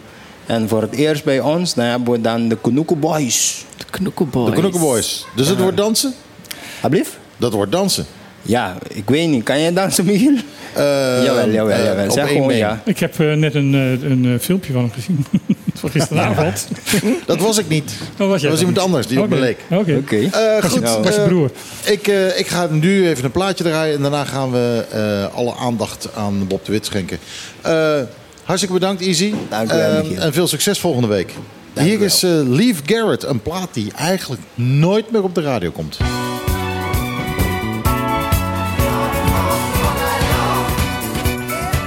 Een one-hit wonder was dit. Uh, Leave Garrett, I Was Made for Dancing. En iedereen die de discotijd heeft meegemaakt, die kent die plaat nog wel. Uh, en ik denk dat uh, Bob ook wel oud genoeg is om die plaat nog te kennen. Zeker, zeker. Um, Bob, um, nu eventjes helemaal over jou. Um, ondertussen hebben we al wat mensen om ons heen hier We, zo. Nou ja, laten we het anders zeggen. We hebben nog nooit zoveel publiek gehad. Uh, nou, dat hebben we wel hoor. Dat hebben we wel. Maar um, uh, jij gaat zo meteen even een, een, een, lezing geven voor deze mensen. Ja, um, mochten mensen geïnteresseerd zijn, moet je nu in de auto stappen en naar Trocadero komen. Dan kun je het nog net meemaken. Um, die lezing die begint om twee uur. Ja, ik heb al voorgegeven. Ja, iets, iets, ietsjes later. Maar, uh, ja, dat is waarschijnlijk wel... Uh, Bonaireaans twee uur. Ja, ja, ja inderdaad. Met, uh, met een kwartiertje uitloop. Um, ja, en daarna komt uh, Lineke van der Rient. Die gaat ook een presentatie geven na mij. Die zit jaren ook, die is er al. Over ja, die zwaait al. en uh, ja, die, die heeft hier gewoond. Die komt hier ook vaak, net als ik. Uh, oh, ik wist niet dat je, uh, dat je een regelmatige Bonaire bezoeker bent. Zeker, ik kom hier heel lang. Sterker nog, uh, al die boeken die hier voor me liggen, die komen hier geschreven op uh, Bonaire. Ja, dat werkt wel, hè? Het is gewoon een beetje, beetje rust. Um, goed, Bob. Jij geeft les aan Nijenrode. op Nijenrode moet ik dan zeggen, geloof ik. Um, jij, uh, uh, wat is het? Bestuurskunde, uh, strategie, zoiets. bestuurskunde, strategie, bestuursstrategie, kunde. hoe, hoe, moet ik dat omschrijven? Nou ja, het is op zich wel goed dat je dat zo zegt. Um, het is Nijrode Business Universiteit. Dus eigenlijk een business school ja. zou je kunnen zeggen. Maar dan een universiteit. een van de universiteiten in Nederland. En dan ben ik hoogleraar strategie en leiderschap. Uh, dus ik hou me bezig met de toekomst. Dat doe ik heel lang. Hè. Daarvoor zat ik in Maastricht, daarvoor in Rotterdam. Ik ben Rotterdam geboren. Ik woon ook in Rotterdam, dus ik ben echt een platte Rotterdammer. Zou Rotje Knor, geen probleem, dan ben je hier goed thuis. Zo is dat. Ik heb mijn mouwen al opgestroopt, zou ik maar zeggen. En ehm, dus eigenlijk hou ik me heel lang bezig met, eh, met het toekomst begrijpen. Dat is eigenlijk mijn vak. Uh, en dat is eigenlijk een combinatie van twee dingen. Enerzijds moet je academisch zijn. Anders weet je zien op de universiteit. Maar anderzijds ben ik ook meer een stratege en een visionair, zou je kunnen zeggen. Dus ja, je combineert het uh, academische met het, ja, zeg maar het gevoelsmatige, het intuïtieve, zeg maar. Ben je dan een futurist? Nee, futurist is, nou ja, dat zit wel een beetje in hetzelfde domein. Maar een futurist die kijkt vooral naar trends. En die geven aan van uh, kunstmatige integratie daar naartoe en nanotechnologie en, en dat soort dingen. En eigenlijk, dat is voor mij een input. En ik probeer zoveel mogelijk uh, daar een visie van te maken. Dus een, uh, een coherente plaatje, een, een, ja, zeg maar een, een, foto van de toekomst, hoe het in de toekomst uitziet. Dat ja, is wat ik doe. Ja, maar goed, een toekomst weet je niet zonder. hoe is het ook alweer? Als je, als je geschiedenis niet kent, dan ga je dezelfde fouten maken. Um, uh, jij hebt het over Society 4.0. Ja. Maar dan moet er ook een 3.0, 2.0, ja. 1.0 zijn. Ja. Welke zijn dat? Ja. Um, nou ja, het is eigenlijk een beetje begonnen uh, hierover nadenken. Want eigenlijk ben ik dus bedrijfskundige. Dat was het goede van jouw vorige vraag. Maar eigenlijk hou ik me nu bezig met de samenleving. Wat is meer, veel meer bestuurskunde zou je kunnen zeggen. Hè? Politicologie. Dus voor mij is het zeg maar een verschuiving van mijn, van gebied. En dat kwam eigenlijk door, uh, uh, omdat ik heel lang digitale technologie aan het volgen was. Dus blockchain, kunstmatige intelligentie, doe ik al heel erg lang. En op een gegeven moment viel me op dat uh, de gevolgen ervan veel fundamenteler waren dan dat in de bedrijfskundige literatuur werd, werd, vermeld. Um, en, uh, en daar zat ik een tijdje over na te denken. Was in 2011 was er, een, was er iemand die zei: we gaan naar de derde industriële golf. Wat zoiets wil zeggen van we hadden eerst uh, stoom en toen olie, nu computers. Hè, maar mm. verder verandert er niks. En ik had er gelijk zo'n intuïtie van, nou, er klopt gewoon iets niet. Ik weet niet wat, wat dat is, maar er klopt iets niet. En toen eigenlijk in 2015 begon het door te dringen wat er aan de hand was. En toen, heb ik een, uh, toen, zei ik, toen ben ik op presentaties gegeven overal. Uh, ik heb ook een oratie gehouden toen, dus je kunt het gewoon nalezen. En mijn verhaal was daar, we staan aan de vooraan van een maatschappelijke revolutie. Dus ik wist al vanaf 2015, door alle ontwikkelingen die gaan zijn, gaan we naar een hele nieuwe samenleving toe. Nou, en toen ben ik inderdaad, wat jij zei, de geschiedenis gaan bestuderen. Hoe vaak is dat gebeurd? Nou, dat is de vierde keer. Daarom heet het Society 4.0. Ja. Kun je uitleggen welke dat zijn? Ja, dat kan ik zeker uitgeven. Uh, een samenleving, wat heel veel mensen zich niet realiseren... maar een samenleving wordt altijd gevormd naar de belangrijkste bron van geld verdienen. Economische waardecreatie, eventjes uh, deftig gezegd. Mm -hmm. Heel lang was dat landbezit. Als je landbezit had, kon je veel agrarische producten maken. En dan was je rijk en machtig. En als je geen land had, dan was je arm en machteloos. He, dat was uh, Society 1.0. Dat was eigenlijk een hele top-down samenleving... met een kleine elite die alles voor het zeggen had. Dat is heel lang geweest. Hè. Duizenden jaar is dat geweest. En toen zijn we overgegaan naar een andere samenleving. Als ik even een voorbeeld neem van het land waar ik uitkom, Nederland. Toen zijn we een republiek geworden. -hmm. En dat was een handelsrepubliek. En waarom? Omdat handel belangrijker werd dan landbezit. Dat is een overgang geweest van ongeveer zeven jaar. Een onrustige periode, een hele onrustige periode. Uh, waarin we eerst moesten afscheid nemen van het vorige. En op een gegeven moment zeiden mensen... nou, die Alfa en die Philips II, zijn we klaar mee. Uh, maar ja, wat willen we dan wel? Nou, dat duurde dan zeven jaar en toen waren we een republiek. Dat werd Society 2.0 genoemd. En toen kregen we de industriële revolutie. De uitvinding van de stoommachine. Dat zorgde voor een industriële revolutie. Nou, de naam zegt het al, dat was ook geen rustige periode. Uh, waarin zeg maar, de, uh, onze republiek in Nederland werd omgevormd in wat we nu hebben, zeg maar een constitutionele monarchie. Dus we zijn weer van een, van een republiek een monarchie geworden. En we hebben iets van, een, ja, iets van een vorm van indirecte democratie ingevoerd. Nou, dat is 1, 2 en 3. En eigenlijk is mijn verhaal, uh, eigenlijk al vanaf 2015... we zitten net als daarvoor weer aan het begin van zo'n periode... die we vaker meegemaakt hebben. Alleen dan moet je wel de geschiedenis bekijken. Eigenlijk alles wat er gebeurt, uh, of het nou over gezondheid gaat... of over stikstof of uh, klimaat, of nou, noem al die dingen maar op... dat is allemaal onderdeel van die, van, die, van die revolutie waar we in zitten. We zitten echt in een fundamentele revolutie naar een andere samenleving. en dat noem ik dan Society 4.0. Reken jij hier nou uit, uit, uit Nederland? Of de hele wereld? Of, want want uh, die, die, de revoluties die je noemt, of tenminste de, de samenleving die je nu noemt, die zijn natuurlijk heel erg westers gericht. Um, nou ja en nee. Uh, ik, ik, denk wel vanuit het, uh, vanuit het, ja, zeg maar het Europese of het Westerse model, dat is zo. Mm -hmm. Maar de grote factoren die zorgen dat we nu in een revolutie komen, zijn wereldwijd. De eerste is, um, we hebben um, uh, een aantal bedrijven die zijn groter dan landen. Als je kijkt naar de grootste techbedrijven, financebedrijven, pharma en foodbedrijven, die zijn groter dan landen. Tot nu toe was het zo dat bedrijven zich altijd aanpassen aan de wetten van het land. En nu maken die bedrijven maken de wetten. En dat is een hele andere machtsverhouding. Mhm. Dan heb je ook nog een keer dat de grote vraagstukken van deze tijd... eh, of het nou over nou, klimaat gaat of over gezondheid of zo... dat gaan we hier op Bonaire niet oplossen. In Nederland gaan we dat ook niet oplossen. In Engeland gaan we het ook niet oplossen. Dat doen we op wereldschaal. En er zijn nu op wereldschaal 40.000 NGO's, non-governmental organizations... en die maken de dienst uit. Maar dat zijn geen democratieën. Dus we zitten nou met grote bedrijven, grotere landen. We zitten met 40.000 NGO's, dat zijn geen democratieën. En die slaan de handen ineen. Die zeggen van nou, hm, misschien moeten we een beetje gaan samenwerken. En wat er dan erbij komt, en dan komen we weer terug bij die technologieën. Eh, kunstmatige intelligentie, eh, hè, bijvoorbeeld robotisering, zo zijn er nog een aantal technologieën. Ja, die maken het ook eigenlijk fysiek mogelijk om die controle te krijgen. Dat kun je bijvoorbeeld zien in China. In China gebruiken ze dit. Eh, dat noemen ze een, social credit score, een citizen score. En dat wil zeggen dat ze met die technologieën, big data, kunstmatige intelligentie eh, enzovoort... eh, iedereen die in China woont, die moet een score krijgen. Dus je moet je burgerschap verdienen. Dus alles wat je doet, alles wat je zegt, hoe je het verkeer bent, of hoe je surft, hoe je betaalt, alles wordt meegenomen in de score.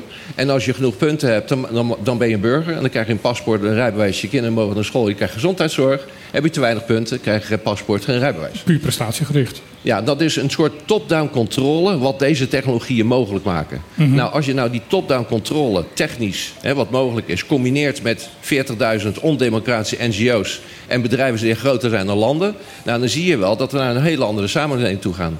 En dat is eigenlijk waar we, waar we nu in zitten. Ik zeg niet dat dit gebeurt, want ik wil wat anders. Ja, ik maar wil dit- zeggen, ja. wenselijk is dit niet natuurlijk. Nee, want tegelijkertijd is nog een andere trend gaande. Ehm, en dat is niet alleen maar globalisering, maar dat is eigenlijk ook weer regionalisering.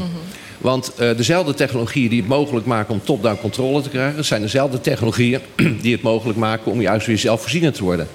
Het eh, belang van industriële massaproductie, het vorige tijdperk, maakt de schaalvergroting van belang. Daarom gingen we naar Nederland toe en Europa en steeds groter. Maar bijvoorbeeld, eh, er zijn heel veel technologieën die maken het mogelijk om juist weer regio's te gaan maken. En laten we niet vergeten, eh, eigenlijk is de regio, nou, dat hebben we net ook gehoord eh, bij de vorige gast, eh, dat heeft een eigen cultuur. Die mensen voelen iets daarvoor. En als je nou weet dat, dat eigenlijk 80, 90 procent van wat we nodig hebben, we hebben helemaal geen massaproductie nodig. Die globale bedrijven hebben we eigenlijk helemaal niet nodig, behalve een paar dingetjes. Maar als je kijkt naar de dingen die we echt belangrijk vinden, en dat kan voedsel zijn, dat kan water, energie zijn, gezondheid, daar hebben al die bedrijven helemaal niet voor nodig. En er zijn een paar technologieën die wel interessant zijn, even als voorbeeld dan maar, hè, dus eh, echt als voorbeeld. Eh, 3D-printing is zo'n voorbeeld. Mhm. Hè, vroeger hadden we in Nederland eh, een, een bedrijf, Philips, dat, eh, hè, dat kun je vast nog wel herinneren. Dat was echt een Brabants bedrijf. Hè, die voelde zich echt Brabants. Hè. Die zorgde echt overal voor. Die zorgde voor scholen. En, die Eindhoven, deed, Eindhoven is er groot mee geworden. ja, inderdaad. Ja. Eh, Letterlijk. ja, inderdaad. Letterlijk. Ja, in, nou, maar zo is het ook inderdaad. En voelt echt een Brabants bedrijf. Eh ze hadden geloof ik ook een voetbalclub, maar dat, dat schiet me even niet meer te binnen. Maar, eh, maar je begrijpt wat ik bedoel. Hè? Dus, ehm, Het begint niet met een F. Dat, nee, nee, in ieder geval niet bij de F, nee. Eh, overigens, ik woon in de tuin van de Excelsior. Maar goed, dit even te Oké. zeggen. Als een echte Rotterdammer. Ja, als een echte Nou ja, Rotterdam. het had Sparta moeten wezen, maar dat weten we allemaal. Goed. Als Ehm, echte Rotterdammers. Zullen, Ja, we zeker. zullen we doorgaan? Ja. Oh. Ehm, maar wat ik wilde zeggen is, van Philips werd te groot voor Brabant. En die moest, om mee te gaan doen Ja. op de wereldwijde schaal, hè, moest er een concurreren. Dus die fabrieken gingen weg naar Korea en China en, en India en dat soort dingen. En de afstand hè, ging, werd groter. En dat zie je eigenlijk, hè, dat, dat wat Philips vroeger was, dat je weer betrokken bent bij je eigen regio. Kun je met 3D-printing bijvoorbeeld doen. Want ehm, nou, je, je kunt steeds meer printen. Hè? Je kunt eh, schoenen printen, je kunt huizen printen. Ik weet niet of je dat weet, maar dan zet je een printer neer. Ja. Dan ga je de kroeg in, 26 uur later staat er een huis. Hè? Weet je wel, zo ongeveer. Wat ik het mooiste vind van 3D-printers is dat ze 3D-printers kunnen printen. Ja, ook dat. Ja, ze, ma- ze ook nog Ze maken het ontwerpen. zelf. Ja, en als je ook kunstmatige intelligentie op zet, dan ontwerpen ze ook nog een keer Ja. een huis eerst. Hè? Dus eh, dat klopt. Maar je moet je voorstellen hoe belangrijk dat is. Want het hele idee van het industriële tijdperk, als je in massa gaat produceren, dan ga ik weer even terug naar Philips. Die ging in, in India produceren. En daarna werd het verscheept hier naartoe. En zo, eigenlijk is er zorgt ervoor dat 80% van de bedrijven die maakt helemaal niks. Die zorgen alleen maar voor A naar B komt. Dat is eigenlijk wat er gebeurd is. En nu kun je gewoon alles hier uitprinten. Je huizen, je schoenen, je, je, eh, je, je kleren. Je kunt eigenlijk alles, alles hier uitprinten. En dat betekent dus dat we het niet meer in India en zo hoeven doen. En dat betekent weer een regionalisering. Het is dus van, van globalisering terug naar regionalisering. Nee, het is allebei. Dus eigenlijk is het zo dat een aantal dingen worden echt globaal. Want dat zijn globale vraagstukken. Het zijn wereldspelers ook echt. Maar tegelijkertijd, en dat is het tegenovergestelde, krijg je de regionalisering. Maar als je milieu neemt, uh, je zegt net al die transporten van al dat soort uh, goederen. Dat, dat, is ook een enorme hoeveelheid uh, milieuvervuiling. Ja. En dat ga je tegen door het niet meer in India te laten maken, maar regionaal. Ja, zoveel mogelijk regionaal proberen te doen. Dat is sowieso goed voor, voor, voor iedereen. Ook voor de economie en de mensen, maar ook voor het, voor het milieu inderdaad. Mm -hmm. Maar een aantal vraagstukken blijven globaal. Alleen wat je gaat krijgen is op wereldschaal zullen toch iets van een democratie moeten hebben. Want er zal toch iets van de, van de belangen van de burger ingevoerd moeten worden. Want dat is niet zo. Dus daar komt een enorme clash gaat eraan komen op wereldschaal. En daarom is het ook zo belangrijk om, om echt de basis te gaan bouwen, om je eigen regio te gaan bouwen. Uh, om ervoor te zorgen dat als die clash plaatsvindt, dat je in ieder geval zorgt dat je eigenlijk de belangrijkste dingen die je hebt, energie, water, voedsel, gezondheid, uh, onderwijs, regionale economie, eigen munt zelfs, dat je dat wel nu al bouwt. Met andere woorden, de, de, de tendens van de overheid van Bonaire bijvoorbeeld om veel meer zelfvoorzienend te worden. Helemaal goed. Dat, dat ja. is noodzakelijk. Ja, nou ja, het is zo dat. Volgens jou. Ja, nee, het is, het is zelfs zo dat. Kijk, mijn boek heet ook Regio 4.0. Uh, dat is een trend die wereldwijd gaande is. Dat speelt overal. Ook in Nederland, ook in België, Duitsland, Zwitserland. Overal speelt het en hier ook. Um, en ook, ook, vanuit Nederland word ik wel gevolgd door Bonaireanen. Uh, en een van de dingen die ik uh, vandaag deze week gedaan heb... is met een aantal mensen gekeken van... hoe kunnen we Bonaire 4.0 gaan bouwen. Mm -hmm. En dat betekent inderdaad uh, zoveel mogelijk zelfvoorzienend worden... Uh, weer trots zijn op je eigen cultuur. Zorgen voor je eigen voedsel, je eigen energie, je eigen water. Eigen taal. Uh, oh, natuurlijk, de cultuur hoort daar gewoon bij. Hè? Eigenlijk is het belangrijkste ook. Want er zijn in dat boek van mij, Regio 4.0, tien domeinen die je dan gaat bouwen. Het is een heel actieplan hoe je dat gaat doen of zo. Maar in het hart daarvan staat Mens 4.0. Want eigenlijk is het belangrijkste wat we moeten doen. Als mens moeten we ja, de volgende stap gaan nemen. Hoe, uh, trek je, bedoel, dit is een heel westers verhaal. Um, wel regionaal of en, en, en, en, globaal gedacht. Hoe trek je hier partijen bij als Afrika, als Azië, als, als India? Eigenlijk, eigenlijk denk ik dat. Um, als je even mij volgt in mijn redeneringen. even de overgang van het feodale tijdperk naar de republiek. Ja? Dat was een lange periode, duurde zeven jaar. Ja? Dus, en dat was een lastige periode. Uh, en er zijn allemaal mensen die zagen het wel, mensen die zagen het niet. Je had mensen die waren bang voor verandering enzovoort. Het is een heel onrustige periode. Maar de laatste die het zagen waren de machthebbers. Zo is het altijd gegaan. Mm -hmm. ja, het is ook niet zo dat, dat, uh, dat uh, zeg maar de overgang naar een nieuw tijdperk... Louis, weet ik voor 14 of zo, zei van... nou, het is mooi geweest, ik ga weg.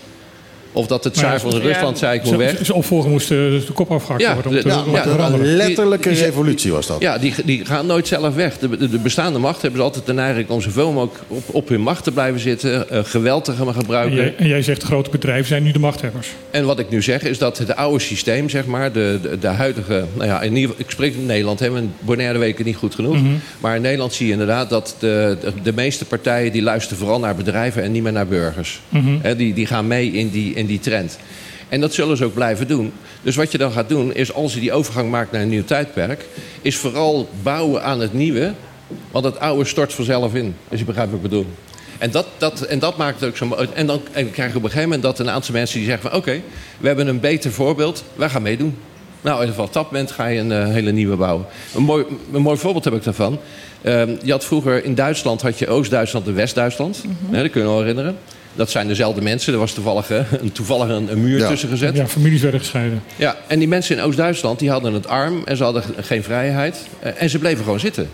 Totdat er iemand zei van, joh, kijk eens naar de andere kant van de muur. Daar zijn ze rijk en ze zijn vrij. Wil je dat ook? Ja, en toen ging die muur omver. En zo'n soort proces, wat je ervoor nodig hebt... is een hoopvol alternatief. Een beter alternatief van wat er is. En op het moment dat er genoeg mensen zeggen van... ik geloof erin, dan gaan ze meebouwen en dan gaat het gewoon gebeuren. Wat ik nou niet helemaal begrijp, is um, als we kijken naar Society 1, 2 en 3, dat zijn eigenlijk uh, uh, ja, bewegingen die min of meer natuurlijk verliepen. Uh, nu ga je naar die 4.0. Um, wat me opvalt is dat je, je, je, je bekijkt het heel academisch. Je beschrijft dingen heel erg. Uh, ja, natuurlijk, ja. natuurlijk. Maar nu komen we bij die 4.0, die is er nog niet. Um, uh, dat, uh, zou dat dan ook ja, automatisch, uh, uh, organisch moeten gaan gebeuren? Of wil je het een duwtje geven? Um, is dit een oproep tot revolutie? Um, Pamflet. Wat, wat, wat, is het? Nou, je, je zegt dat het altijd rustig is gegaan, maar dat is helemaal niet zo. Nee, ik zeg niet dat het Want, rustig is, maar ik zeg dat het organisch is verlopen. Ook niet. Ja, niet, niet, van bovenaf gestuurd. Bedoel, niet altijd, de, maar... De, de, de, industriële revolutie begon gewoon omdat die, die, die, die, die stoommachine werd uitgevonden. Ja, dat was... En, en, ja. uitvinding, uitvinding, uitvinding. Dat, dat stuurde het.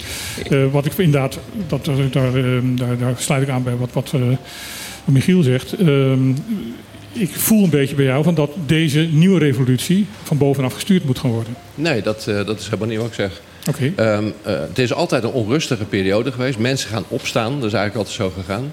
de bestorming van de Bastille was ook een opstand van de, mm -hmm. van de burgers. Van dit willen wij niet. Het is eigenlijk, eigenlijk als je kijkt naar de overgang naar een nieuw tijdperk... zijn het altijd, eigenlijk altijd Um, uh, vissers, boeren, handelaren uh, en, en, en, onderwijzers. En, ja, eigenlijk en onderne ondernemers geweest meestal. Hè? Ja, ja maar ook, ook onderwijzers. Ik bedoel, uh, uit, bedoel, niet voor niks dat inderdaad heel veel dictaturen... de, de scholen een van de eerste dingen is die, die, die beetgepakt worden. Ja. ja, maar ik moet ook wel zeggen, je hebt natuurlijk wel al... Nou, meestal de filosofen die vooraan staat aan zo'n revolutie, die voorspellen het wel al, die voelen het. Dus er wordt er wel al over geschreven. Hm. Dus het is niet dat het. Die stoommachine, die, kom, die wordt gebouwd natuurlijk vanuit een, een, een, een visie en een, een, een voorstelling van wat dat, zou teweeg, wat dat teweeg zou kunnen brengen. En dat is, gaat natuurlijk voorafgaand aan een heel ander. Een, een type denken, een hele andere gedachtegang. Ja. Dus dat, ja, kan je zeggen, wordt dat van tevoren al uh, bedacht? Of wordt dat, moet dat dan nu van bovenaf? Uh, ja, ik denk dat dat altijd wel. Uh, Zo'n stoommachine is natuurlijk een product van een verandering van, een, van het denken. Mm -hmm. maar het, het, is heel goed wat je zegt, want kijk, je krijgt zo'n technologische ontwikkeling. Inderdaad, Spinning Jenny, hè, de eerste stoommachine. Ja. Dat was het begin van een industriële revolutie. Je zag het onrustig worden. En toen stonden er inderdaad allemaal filosofen op, precies wat jij zegt. Uh, en de ene, allemaal, van die, sorry, allemaal van die mensen zoals ik, die gingen nadenken: wat betekent dit voor de toekomstige samenleving? Uh, nou, toen stonden de mensen op, filosofen, hè, zoals ik. en de een zei: we moeten naar kapitalisme, en socialisme, en marxisme, en communisme en, en leninisme, toch? Ja, de ismen. Maar, allemaal de ismen. En die gingen nadenken over de toekomst. En wat je ook zag, is dat uh, in, in Rusland hebben ze een andere keuze gemaakt dan in, dan in China. Hebben een andere keuze gemaakt dan in Engeland. Wij hebben weer een andere keuze gemaakt. Dat is een hele onrustige periode waarin je laat inspireren door filosofen. Uh, en ik hoop, dat is mijn rol. Tenminste, ik hoop dus daarmee mensen uh, zeg maar te inspireren om over te gaan. En eigenlijk, het is altijd een revolutie. Zo is het altijd gegaan. Alleen wat mijn doelstelling is, is om juist een fluwele revolutie te maken. Om ervoor te zorgen dat een, verbinding, een ontwikkeling van onderop komt. dat het juist niet gaat ontaarden, want dat is meestal het geval geweest. Maar gaat dat lukken? Nou, als ik dat wil, dan, dan ga ik er maar vanuit dat dat gaat lukken. Ja. Anders moet, nou, moet ik, vraag, ik vraag me dat af, want, want je zegt net zelf... de, de, de, de mensen die het gezag hebben, de, de, de machthebbers... die geven dat niet zomaar, nee, die, niet zomaar los. Nee, die geven dat zomaar op. En, en, en bedoel, ik, ik zie een regime in, in China, ik zie een regime in Rusland... niet zomaar zeggen, oké okay, jongens, jullie willen dat, dus we stoppen ermee. Nee, nee. Nou ja, we zitten gelukkig niet in Rusland of China. Hè. Nou ja, goed, we hebben er wel heel erg mee te maken. Ik bedoel, de... Nee, zeker. Maar da dat is echt een top-down samenleving. Ja. Uh, dat is bij ons natuurlijk een beetje anders. Hè. Hier is de belang van de burgers zijn, zijn belangrijker. Uh, en op, op een gegeven moment, als je, en, en dat geldt zeker in regio's... als je een regio hebt die zegt van nou, we gaan weer terug naar de basis... en er komt echt een crisis aan, een economische crisis en, en weet je wel...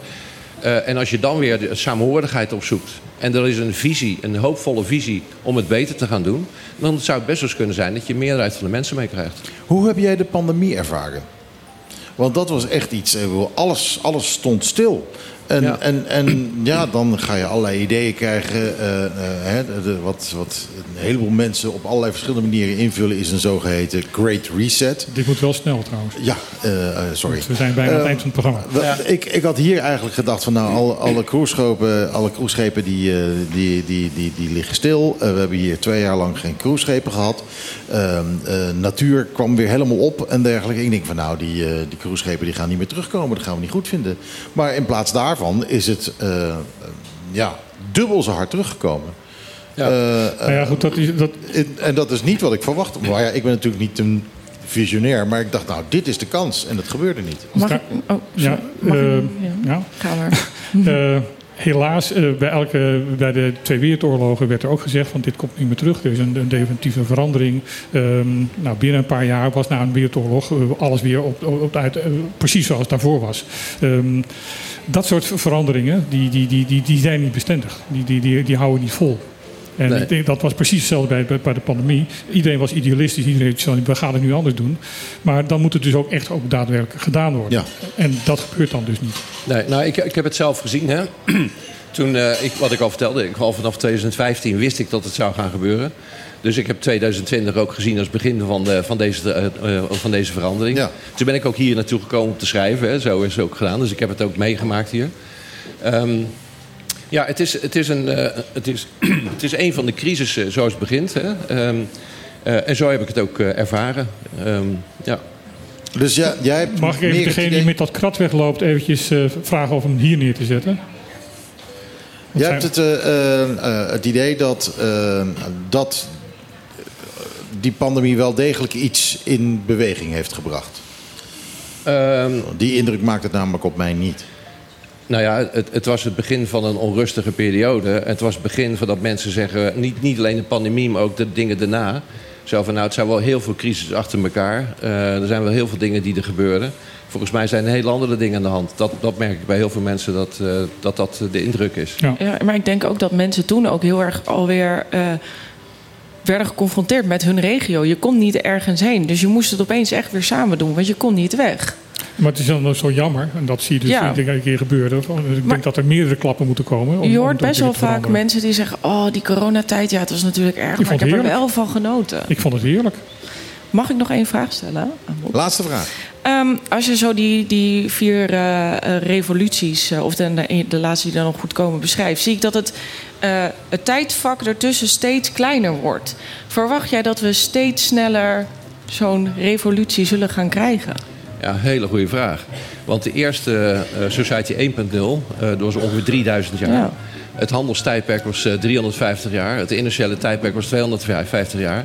En we zijn nu 40 40 jaar bezig met de digitale ontwikkeling. Eh, maar inmiddels zi- zitten we al in kunstmatige intelligentie. En dat is binnen een paar jaar. Daarna krijgen we quantumcomputing, krijgen we nanotechnologie.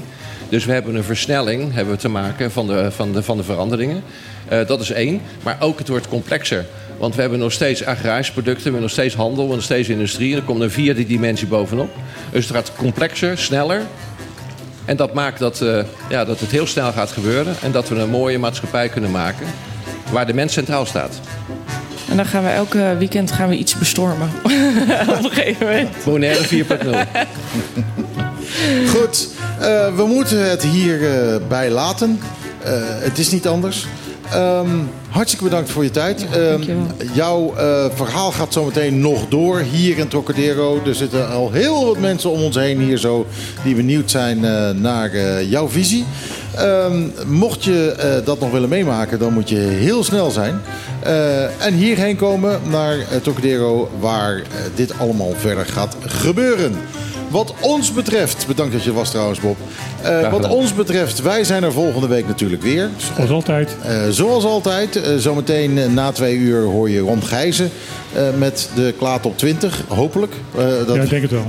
ik denk het ook wel. Denk het Ehm, wij, weten, wij hebben het nog niet gehoord.